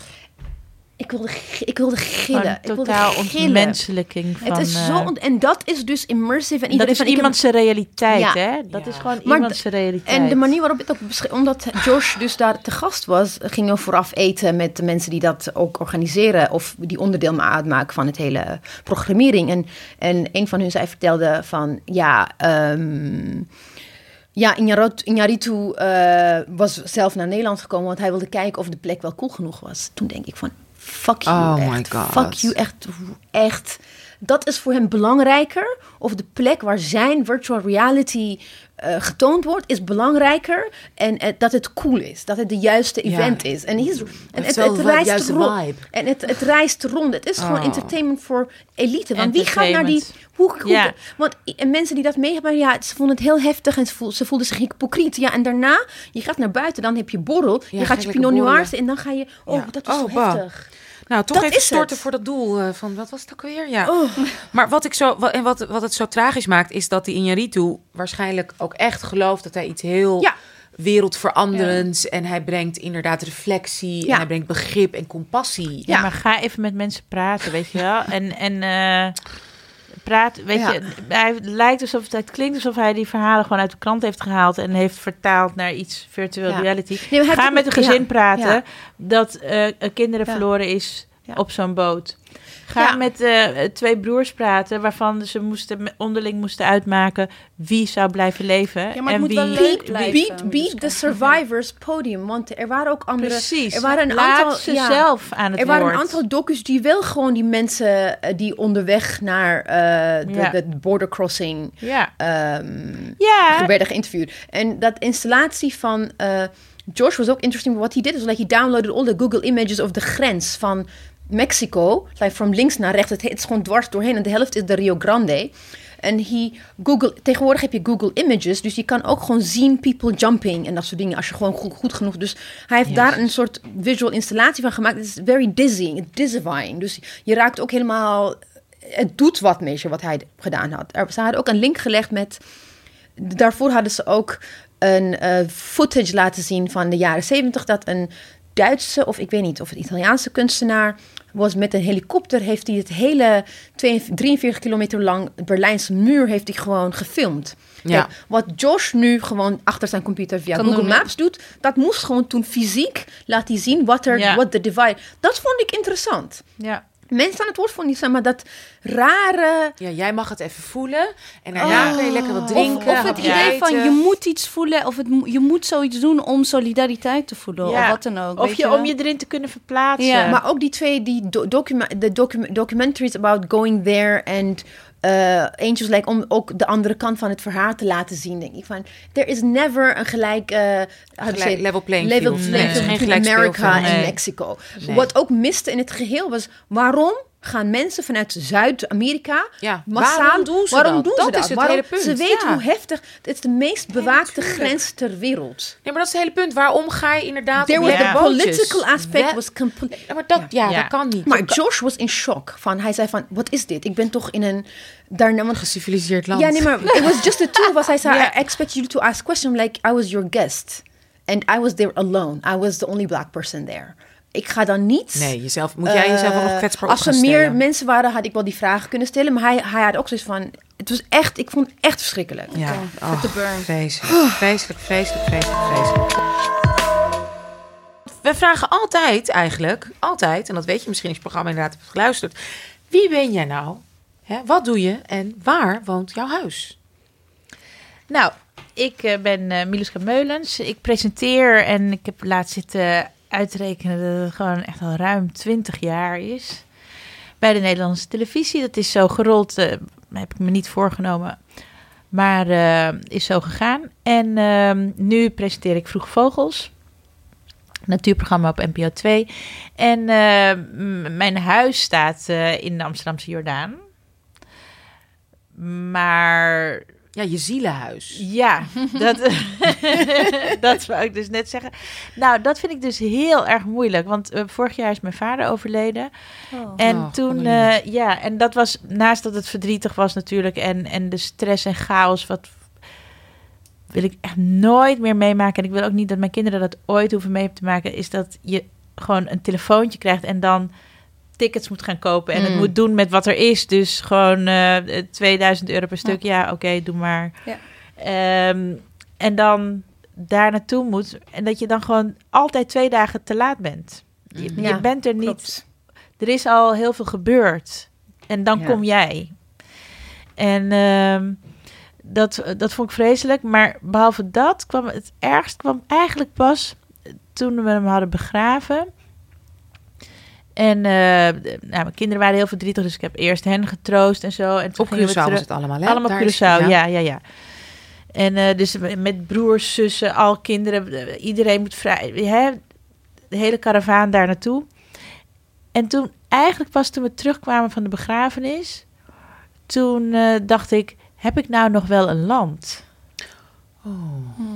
Want dat was altijd mijn land. Maar eigenlijk vooral omdat hij daar woonde. Mijn moeder was al eerder heen en weer gegaan naar Curaçao, maar die woonde er weer eh, nu ook weer. Maar zij kwam vaker voor langere tijd, weet je, drie maanden, soms zes maanden, kwam ze toch weer naar Nederland. Maar mijn vader heeft echt gebroken met Nederland. En ehm, hij zei het al in de jaren tachtig, dat hij niet te- tegen dat kille klimaat kon. En dan had hij het niet over het weer. en eh, dus hij is teruggegaan. En dat was wat me. Want in Nederland, daar woon ik nu al heel lang. En ik ben ook heel vernederlandst. En dat vind ik ook helemaal niet erg. Ik heb hier kinderen. En je man is ik heb een Nederlandse, is- ik heb een Nederlandse man. De, Kinderen eh, de vader man. van mijn kinderen is Nederlands. Eh, zij zijn hier geboren en zij zeggen... Ik ben gewoon Amsterdammer hoor. Ik weet niet wat jij bent, maar... ehm, en dat gun ik ze. Ehm, maar ik heb altijd gedacht van... Ja, maar ik heb een land. Mijn, mijn eigen land, dat is Curaçao. En misschien ga ik ooit wel terug naar mijn eigen land. Want wanneer En toen ben je ging- naar Nederland gekomen? Hoe oud was je? Ja, heel verschillend. We zijn een aantal keren... Ze hebben het heel vaak geprobeerd. En eh, toen ik tien was, toen heeft mijn moeder gezegd van... en nu ga ik niet meer terug, want die kinderen die moeten nu gewoon echt Hmm. even op school aarden. Maar ik ben denk ik wel... Ik heb daar ook op school gezeten. Ik, eh, tussen mijn vijfde en mijn tiende zijn we denk ik vier, vijf keer weer op Curaçao gaan wonen. En eh, nu sinds mijn tiende dus hier. En ja, toen, en toen overleed hij. En toen dacht ik ineens, ja, ik heb hier nog wel familie, maar mijn land, dat is mijn vader. Mijn, ja. Ja. het is ook niet voor niks vaderland, hè? Ja. Ja. En, eh, maar in Nederland is ook niet mijn vaderland.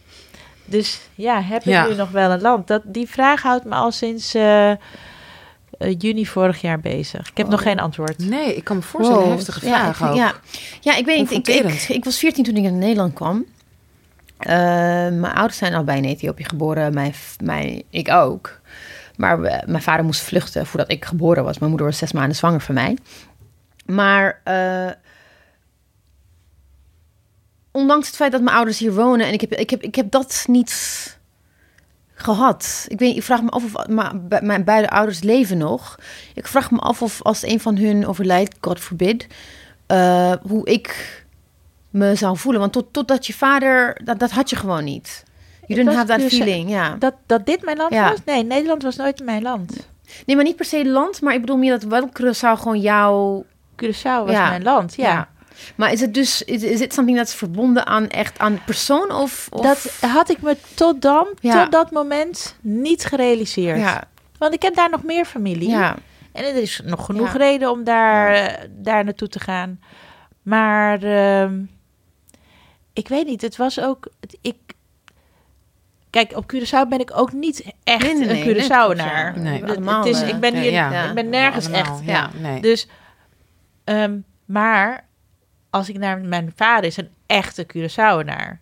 Dus als ik, waar ik ook met hem kwam, was ik daarmee, was ik ook meteen Ja, een echte klopt. Curaçaoenaar. Ja. En eh, als je mijn accent hoort, nou hou je bek dan, want ik heb mijn vader wel bij je. Ja. me. En hij verstaat me, dus jij verstaat me ook. Ja. Ja. Dus, ehm, Ja. en nu, eh, ja, het, het komt denk ik gewoon met verlies. Dat je je gaat Ja. afvragen van, nou, waar hoor ik nu dan? Absoluut. En ik denk ook met hè, onze leeftijd. Hè? Jij bent ook Ja, over, de, ja. over de 40. Ja. Dat is ook echt een verschil. Ja. Merk ik. Mijn ouders worden ook steeds. Mijn, moeder, mijn vader leeft niet meer, mijn moeder steeds ouder. En dan kom je echt in een andere, Ja. echt een andere fase. Maar Ja. ik vond het wel heel leuk. Mijn, mijn dochter had vorige week eh, afscheidsmusical. En eh, dat ging over eh, het lerarentekorten en dat, de- dat de school moest sluiten. En er werd een nieuwsbericht voorgelezen. Met allemaal correspondenten uit de hele wereld. En iedereen mocht in een taal iets zeggen. En zij koos voor om, om correspondent van Curaçao te zijn. En ze heeft het in het papierwens gezegd. leuk. Oh, Ja, heeft ze met mij zitten eh, oefenen. Ja. En toen dacht ik van, oh, toen jij zeven was, zei jij tegen mij... Ik ben Amsterdammer hoor, ik weet niet wat jij bent. Dat komt wel hoor. Maar nu Precies. Ja. wil je dit. Nurture it.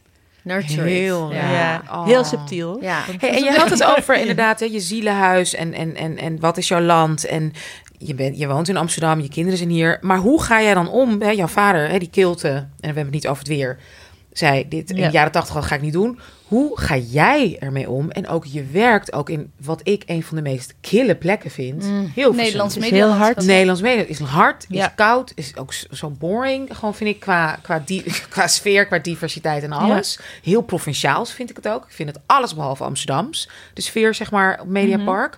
Hoe hou je je dan, ja, klinkt een beetje dramatisch, maar hoe hou je je staande? Nou, door, ja, en dat is eh, een beetje cliché misschien, maar door echt te proberen heel dicht bij mezelf te blijven en geen dingen te doen die, niet, die ik niet ben. Ehm, eh, b- bijvoorbeeld, ehm,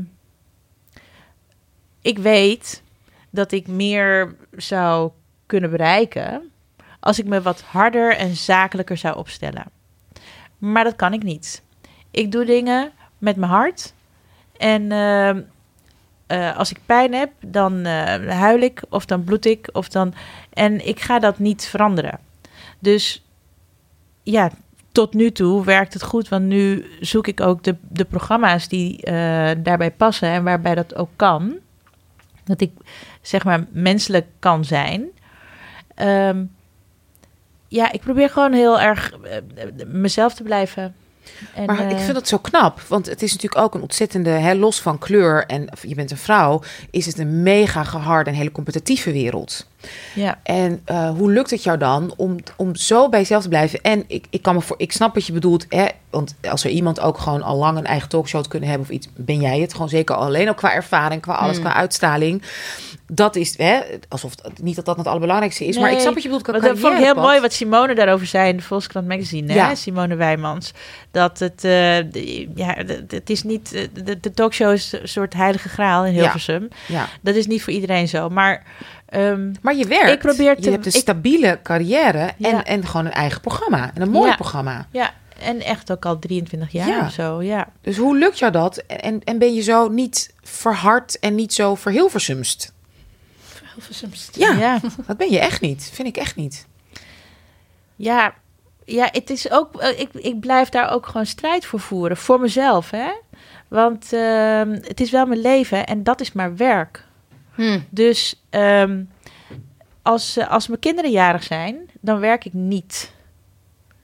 Eh, weet je, kan hoog springen, laag springen. eh, doe wat je wil, ga op je kop staan. Ik werk niet op de verjaardag van mijn kinderen. En dan heb je mensen, vrouwen, zeker, vooral vrouwen, die je daarop afvallen.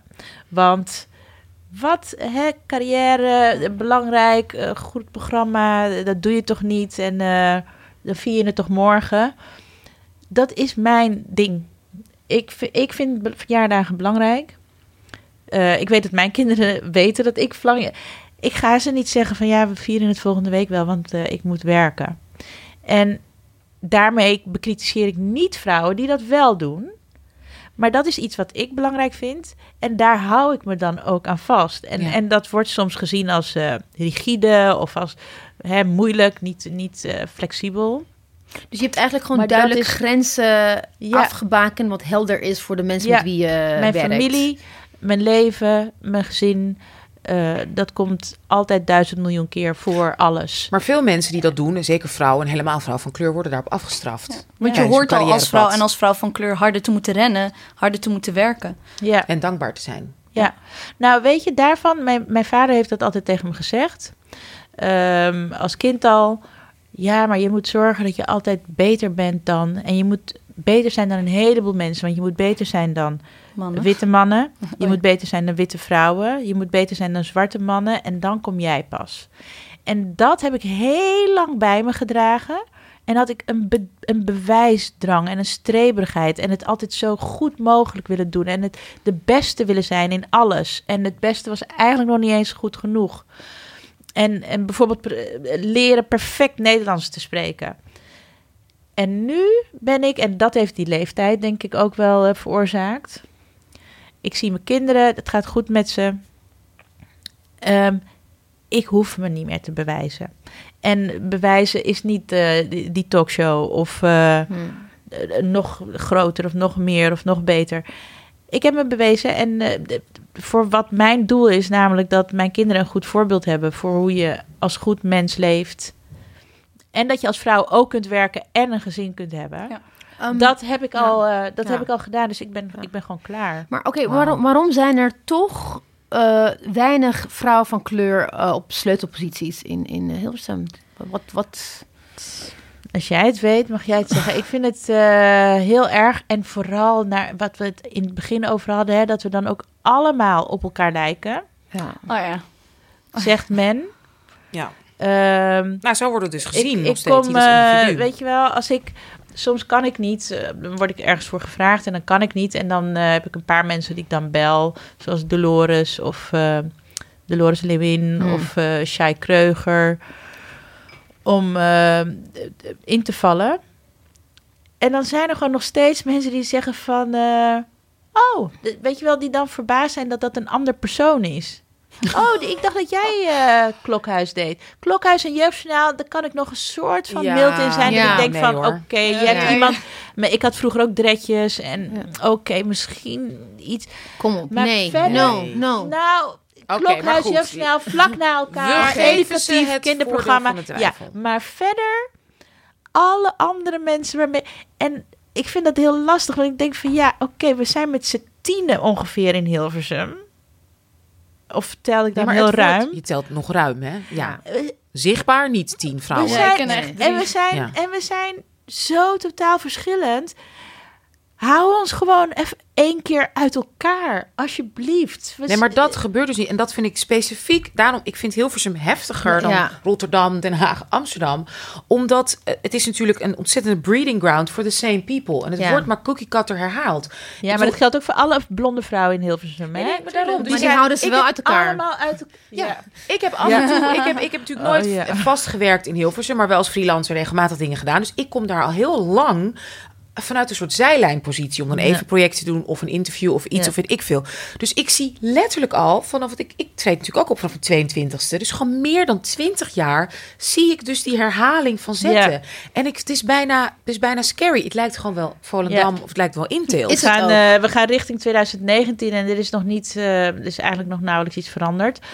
Maar eh, ik haal kracht en hoop uit me altijd blijven uitspreken. En dat doe ik niet zo vaak, zeker niet in mijn jeugdjournaal tijd, maar nu ook nog niet zo vaak publiekelijk. Maar wel op de redacties waar ik werk, waar ik ook kom, met mensen die ik werk. Zodra ik iets hoor, ik kan niet stil blijven. Dat is mijn makken, want eh, hè, je, je maakt er geen vrienden mee altijd. Maar ik zeg het wel altijd. En ook al moet ik het met een brok in mijn keel of eh, ik zeg het. En ik haal kracht uit ehm, dat ik toch steeds vaker wel, ehm, hoe noem je dat? Herkenning, eh, vriendschap, companionship Ja. vind bij bijvoorbeeld die mensen die ik noemde. Eh Shai heeft een eigen radioshow. Nou, daar nodigt zij mij dan ook voor uit. Omdat het gewoon leuk is om met elkaar Ja. eh, twee Curaçaose vrouwen, twee was- vrouwen te praten. I was just gonna say, is, is, is er ook gewoon, is er ook niet een element van, niet, dat- niet, niet dat ik zeg dat, dat het feit is bij jou, maar when it comes to like eh, posities eh, binnen medialandschap in Nederland, of het nou columnistiek is of journalistiek, of eh, er is, hoe dan, of je nou wil of niet, er is een soort van krabbenmand mentaliteit. Dat je niet per se, tenminste misschien is het nu anders, maar dat je... krabben, like if, if you're in een krabbenmand dat, dat als een één krab eruit wil komen, dat de andere hem. Dus you never leave that. You're always like pulling each other ja, down. of je moet over elkaar heen stappen om verder te komen. Omdat er alleen maar plek is voor één Oh, zwarte ja. iemand of één zwarte Ja. vrouw. Dus dat dat Ja, element van dat je. maar dat je zwarte vrouwen doen dat elkaar niet aan. Ja. In ik heb eh, Nee, in nee? Hilversum. Ja. Nee, nou nee. Wat ik heb, weet je, ik heb al vanaf het begin dat ik bij het Jeugdjournaal ging werken. Toen had ik al kleinere dingen daarvoor gedaan, maar bij het Jeugdjournaal was mijn grote hè, stap. Ehm, met al dit hunkar. Ja. Ja, ze is geweldig. Ik Ja. keer ontmoet. Ja, en zij is v- verguisd eh, in, in Hilversum omdat ze haar mond open doet. En ehm, eh, direct hebben wij eh, die connectie gemaakt. En dat had ik ook met ehm Noralie Beijer. Beijer. Ja. En, en dat is iets... Weet je wel, ik vertelde eerder dat we dat- doen op straat. Als we een mooie zwarte vrouw zien, of een oudere zwarte vrouw, of een jonge moeder. Of dan maken we dat Ja. oogcontact en dan zeggen we van hé, hey, ik zie jou. En dat heb ik in Hilversum ook ervaren. Zwarte vrouwen die daar ehm, een eigen programma hebben of, of al heel lang op een goede positie zitten, die zien elkaar. En Ja, daar, daar haal ik kracht Er uit. was wel een tijd, ik bedoel, ik weet niet, ik ik ga geen namen noemen omdat ik daar gewoon geen zin heb om eh, dat krabbelman dan. Maar ik denk toen, when, eh, when at the height of the Zwart Piet is racisme eh, debat, was er wel bij de establishment, zeg maar mensen, people who made it, not just women, but like ook columnisten, journalisten van kleur who made it, vonden het best wel heftig dat het zo Ja, zo ver ging. Zo- Ja. zo ver ging Geweld komt van beide kanten. It was in your face. En er, er waren commentaar vanuit people oppositie. Zei ja, maar we moeten het een beetje wel... Wel het- vriendelijk, Nuanceren, vriendelijk. Beide kanten van het verhaal.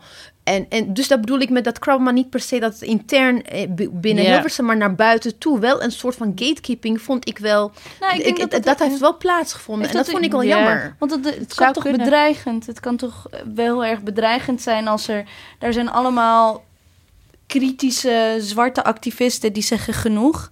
En dan wordt eigenlijk jou aangekeken van... Oh, net zoals Wat we zeiden, all, ervan? all, all black people are the same. Ja. Ja. maar oh, dus dan denk jij hetzelfde. En, Moet ja, je dus en het is, en het is voor mensen toe. hun inkomen Ja. en hun werk. En ik kan me wel voorstellen dat je dan daar angstig van wordt. Maar dan inderdaad, dan kan je ervoor kiezen om dicht bij jezelf te gaan staan... en denken van ja, ik moet met mijzelf nog heel lang gaan leven... en mezelf nog in de spiegel kunnen kijken. Hey, Miluska, ik weet niet of je het in de uitzending wil, we kunnen het er ook uitknippen. Maar ik kan me nog wel herinneren dat ik was toen, ik was toen regelmatig bij jou op de redactie... omdat ik een column had hè, bij de Nieuwsbv. Oh. En jij eh, ging toen echt weg bij eh, het Jeugdjournaal. Hè? Je ging volgende stap zetten. En dus dit kan eruit, hè, dat je het weet. Ja, ik wil je niet voor het blok zetten. Ja. Maar ik weet nog dat jij toen, zoals ik me kan herinneren... heel erg teleurgesteld was. Dat jij had een zwart, jong zwart meisje, zeg maar... naar voren geschoven om jouw plek... of in ieder geval een grotere, prominentere plek te krijgen. Volgens mij bij het Jeugdjournaal of bij een programma dat jij deed. Klopt dat nog, wat, wat ik denk? Of heb ik een soort verkeerde herinnering? En ik kan me nog herinneren dat jij heel jammer vond dat zij niet die waardering of een redactrice waarvan je vond die mag, die mag een kans krijgen om ook te gaan presenteren. Nou ja, hè, dat, dat het dus qua opschieten wel echt nog steeds Ja. zo bloody Ik, stroperig ik gaat. weet niet meer dat voorbeeld. Ja, Maar, eh, en dat mag je er best inhouden hoor. Ik heb bij de NOS heel regelmatig, en toen ik wegging, hebben ze daar een heel grappig filmpje over gemaakt.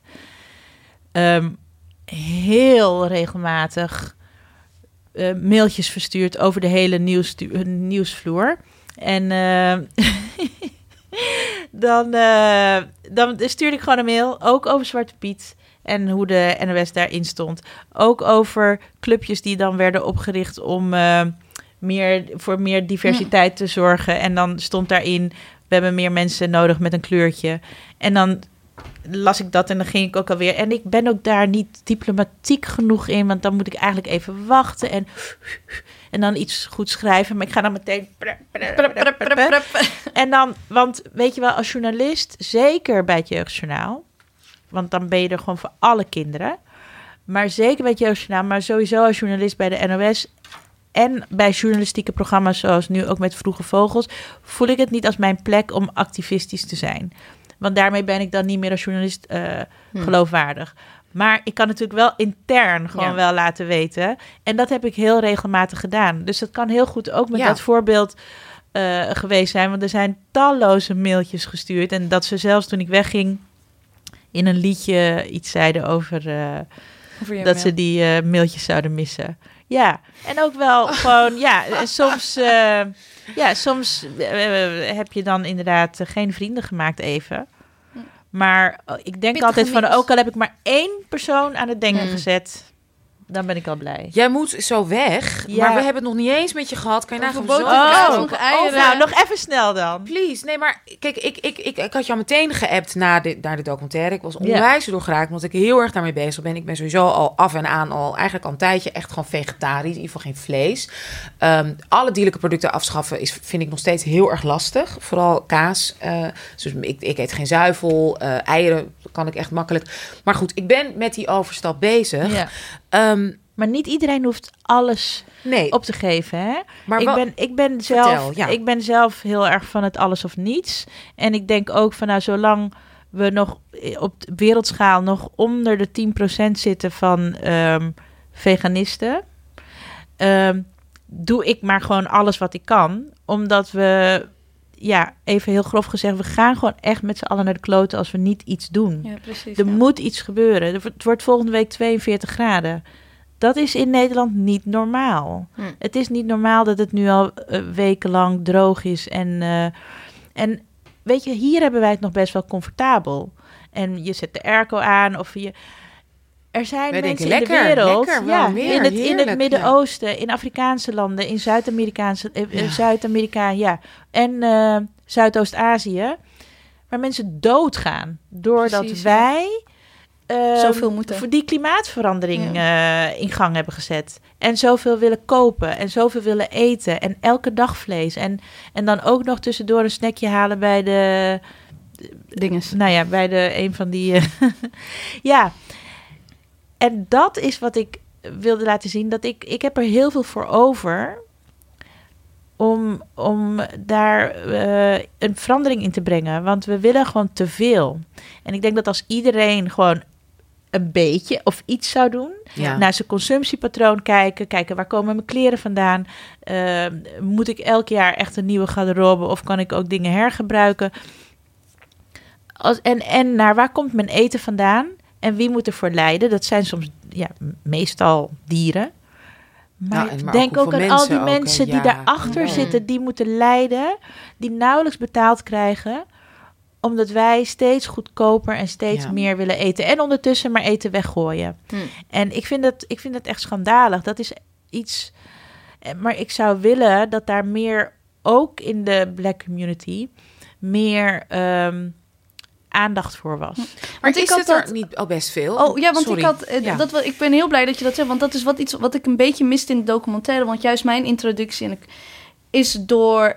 Ehm, omdat ik mezelf eigenlijk een beetje de afgelopen zes jaar alleen maar, om, nou eigenlijk altijd, omringd heb door black people. Zo erg dat ik dacht dat hooikoorts een people of color ziekte was. Omdat ik eigenlijk helemaal bruine mensen ken die hooikoorts. Dacht ik zal wel komen omdat we uit warme landen komen. weet je wel? Oh, ik dacht juist altijd dat het een nee, witte nee, dat was maar, was. maar veganism ken ik dus door black people die zeggen... Zwarte activisten. Ik- zwarte ik- ik weet activisten die, eerst. niet, die niet eens zeggen van... ehm, eh, misschien niet eens dierenleed, maar die zeggen... My people are suffering. Ja. ja. En dat daar de Ja. eerste... En dat, ja, ehm, en ook vanuit uit religie soms ook, Ja, hè? ook, ja. Maar ik heb het over wat er zichtbaar is gewoon in de normale communities. Dus niet in, de, in het activisme, maar gewoon bij de gezinnen Mm. thuis aan tafel. En daar ken ik het niet van. Vanuit mijn eh, achtergrond niet, bij mijn familie. Ik ben gewoon echt een soort, nou nee, niet paria, maar wel een heel apart persoon. Verwit. Nou, Ja, dat, zou dat zag je, dat zag je wel. wel een beetje gek. Dat, Dat zag zou je in de documentaire, Ja, dat met je je gezin, moeder een, ja. eh, een paddenstoel Een wilde geven. En die zat Ja. echt... En je Ja, mijn moeder jou heeft echt echt zoiets van- uitlachte. Waarom wil je dat ik dingen eet die witte mensen eten? Ja. Ik, eh, Ja. Maar Ja. het ding is, eh, ik, ik vind het heel, ik vind het heel lastig eh, onderwerp. Deels omdat ook eh, klasse erbij komt kijken. Want to be vegan is to have means to buy supplements. Dat je Ja, maar ik ben het daar niet mee eens. Ik ben het daar echt niet mee eens. Want, dan moet je alleen maar Indiaas eten gaan eten. nou, ja, Bijvoorbeeld. Het is hartstikke lekker. Of Thais, of wat voor Zuid, Zuid eh, en, en in Zuid-Amerika. Ik ben zo'n beetje eh, grootgebracht met bonen.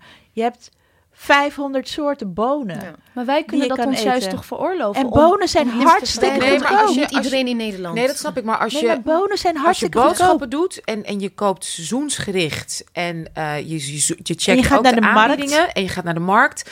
Het is, het is een misconceptie dat het... Natuurlijk, ga je naar de markt met een Q? Ja, hallo. Nee, en daar is lekker naar de makkelijk. markt. Weet je, Naar de openluchtmarkt. Ja. Dat snap ik. Nee, dat is ik- hartstikke duur. maar- Nee, ik bedoel, ik bedoel- Klassiek ja. boodschappen doen met, met, met, een, met, met, met, met echt met Ja. een budget kan je, kan je heel ver Klopt, komen. maar Ja, ik denk, maar het, ik maar ben er is wel een bewust... Kijk, ik, ik ben het helemaal mee eens, maar ook wel een van de dingen die we het ook heel vaak over hebben geha- eh, gehad, intern binnen Dipsaus 5, is dat er zijn onderzoeken geweest dat mensen die geen geld hebben, ook... Je bent zo bezig met overleven dat je dat, dat nadenken, Ja, dat bewustzijn, dat je don't have time for your only thinking van ik moet om zes uur opstaan zodat ik op tijd Ja. eh, naar mijn werk moet gaan, het buspasje, het kopen Ja, van een bus, ja. een, een buskaart heeft prioriteit dan Dan ook nog even langs zes winkeltjes voor Dus de maar juiste er er, is een, er is een element to it Maar when dat it zijn comes twee to people dingen. of color. Ja. En dat moet, Maar vind dat ik, zijn twee meegenomen dingen. worden in, in dit soort gesprekken. Maar het zijn twee Mee dingen. eens. Je hebt aan de ene kant, eh, en dat is een, een heel groot probleem.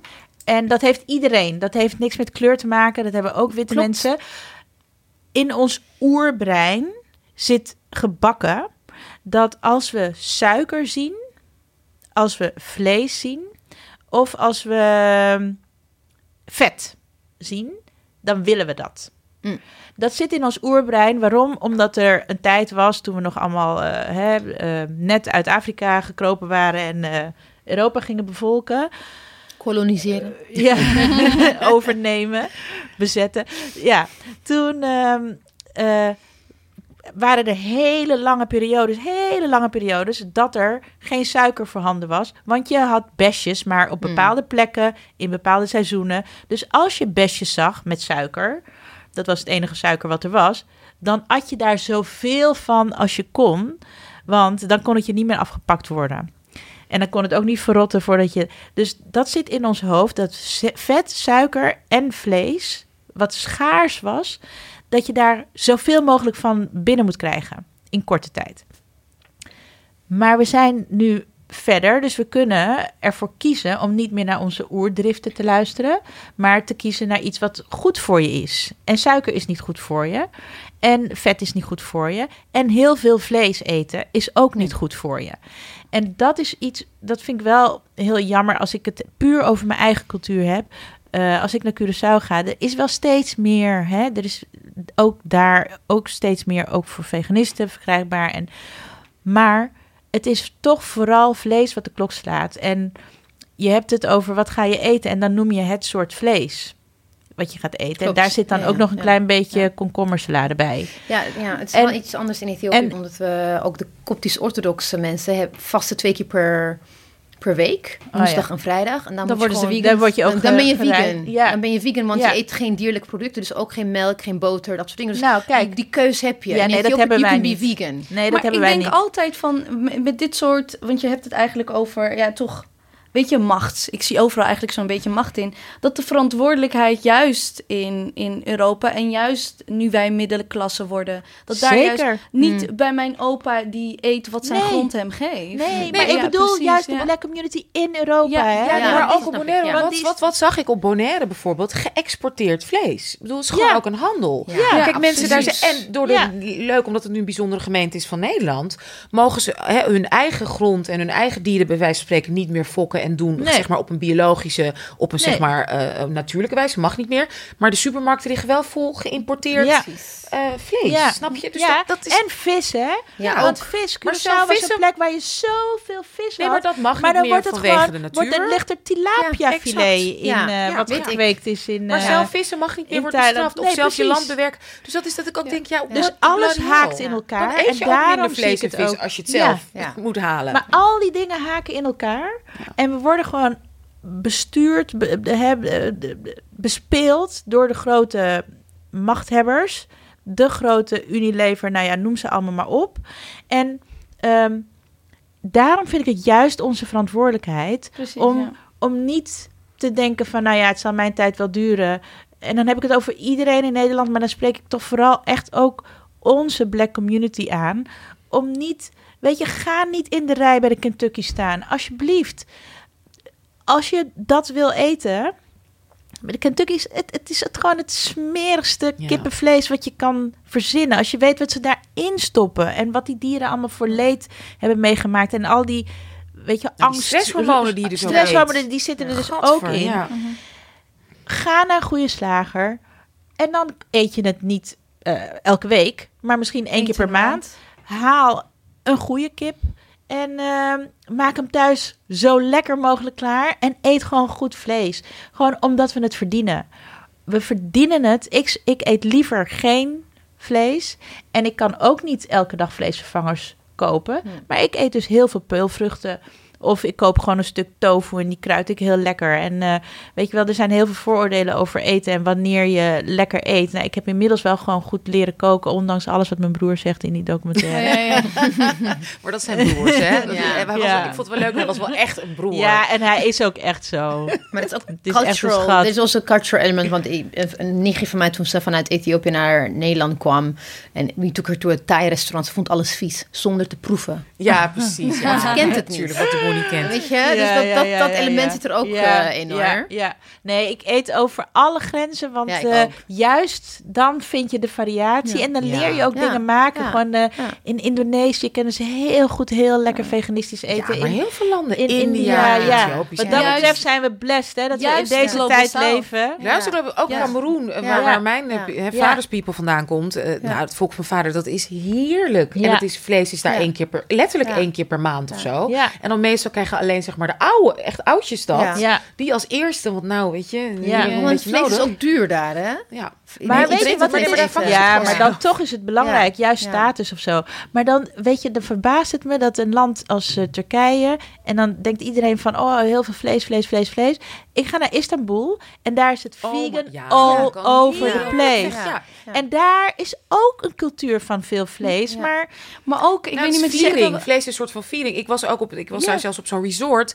Nou, dat was niet normaal. De veget, gewoon de natuurlijke vegetarische opties vanuit gewoon Met hè, liefde bereid, ja, heerlijk. Maar ook het consumeren van vlees is een colonial thing. Want ehm, waar, het heel, waar het werd gezien als wij eens in de zoveel tijd... daarom was offerfeest ook zo belangrijk voor moslims. Eens in de zoveel tijd. Maar ook door kolonisatie is ons menu ook enorm veranderd... en hebben wij vlees gelinkt aan wealth. En we zijn Ja, het gaan status en rijkdom. we zijn verwesterd geraakt en we hebben het idee dat je dat elke dag en niet elke dag, niet eens elke dag, maar de hele dag door op je brood bij het ontbijt, tussen Ja. bij Dat de is is niet normaal in Ethiopië. Het is toch niet Nee, normaal? is niet normaal. Er zijn heel veel landen niet normaal. En ik vind het ook heel heftig, zeker in de Verenigde Staten, zie je dus ook wat dat Ja. eten doet met, zeg maar, met mensen, met, met Gezondheid. met het volk. Want je ziet het bij, zeg maar, de mensen uit Zuid-Amerika, je ziet het ook bij zwarte mensen, dat hun lichaam in drie, vier, vijf jaar tijd volkomen Ja. verandert door dat verschrikkelijke, totale Veel vlees heftige eten en suiker. Het is kwart over Ja, twaalf. ik moet gaan. helemaal- ophalen. Nee, nee, nee, nee, wacht. Je moet nog één ding met ons Oh, ja. Even heel snel. Ten eerste even heel kort, hoe gaat het met je B12? Dat gaat allemaal lekker, toch? Ja, ja, ja, ja, ja. Ik heb eh, B12 geslikt en eh, ik ben er inmiddels achter dat waarom ik had eerder twee testen gedaan, die waren positief toen ik net begon.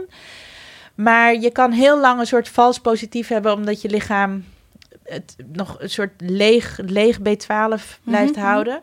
Maar eh, nu ik weet hoe het zit, eh, slik ik gewoon. heel Helemaal braaf goed. en het gaat goed. Maar dan gaan we nog wel, voordat je weg gaat, heel snel naar onze... DDD's. Je weet wat ze zijn, Want hè? wie naar ga je dus je Ja, DDD maar- drinken, dipsausen en ja. dansen. Dus Ja. met, je, je krijgt drie namen en jij moet kiezen met wie ga je drinken. Mag ook een theetje zijn, maar mag ook natuurlijk gewoon keiharde shots. Met wie ga je dansen, met wie ga je dipsausen. En dipsausen is gewoon ja, wat, wat wij met elkaar doen. Gewoon wat we vandaag appen, ook gedaan hebben. Voice messages, foto's, random boosheid, linkjes naar Oh, dingen. Oh. Babyfoto's boos van jezelf eh, of van iemand anders. Eh, ik, ik vind dat een lekkere vent. Eh, nee, maar ik hou van mijn man. Nou ja, hè? dat, dat is dipsausen. Ja. Ja, en ik ga onder de 30 Er waren heel veel lekkere Even venten. kijken. Ehm, je moet kiezen tussen Def Rhymes, Alicia Silverstone of Gordon Ramsay. Voor? Met wie ga je drinken? Met wie ga je dipsausen? Met wie ga je dansen? Tussen die drie. Ja, Def Rhymes, Alicia Silverstone oude Good old en Gordon Rhymes. Ramsay. Alicia Silverstone, een van de bekendste vegans met een eigen website en lifestyle blog ja. ter wereld zo ongeveer. A En- white lady. Ja. En Ik ga met Def Rhymes ga ik eh, dansen. Hoef je niet tegen hem te praten. Dans maar. Dit is die lekkere dans. Ja. Alla bala verzamelen. Dat heb ik nog allemaal meegekregen. Nou, dat ga je met hem ga je dansen, alrighty. En drinken en Dipsausen. Nou, laat ik dan maar met Gordon Ramsay gaan dipsausen. En met ja, lekker met Alicia hem gaan... appen en fotootjes sturen. Over eten. Ik vind hem niet leuk. Nee, ik vind hem niet leuk. maar misschien kan je hem dan Nee, maar overtuigen. dat kan... Ja, precies. Ja. Ik vind hem heel vervelend. Dus dan ga ik met hem eh, discussie eh, voeren. En met Alicia ga ik dan wel wat drinken. Ik ga niet met eh, Gordon Ramsay wat drinken. Nee? Nee. Nee, En als je met lijkt Alicia me niet wat zo gaat drinken? gezellig. Wordt het dan een, een cocktailtje of wordt het een, een theetje? Ehm, nee, het wordt een eh wodkaatje, ja. Een Ja. wodkaatje met Alicia Silverstone. En wodka is vegan. Vegan. Ja. Ja, lieve Miluska. Oh, we zijn zo blij dat je hier was. Dankjewel. Dankjewel. Jij moet Ik snel moet nu rennen. wel echt rennen. Rennen, rennen, rennen. Lieve schat, wij gaan hier afsluiten. En we willen graag onze sponsors bedanken. De VU die onze nieuwsbrief faciliteert. En SDM voor de website dipsaus.org waar al onze Dipsaus exclusive te vinden zijn. En natuurlijk Dag en Nacht Media voor onze technische ondersteuning en sound editing skill.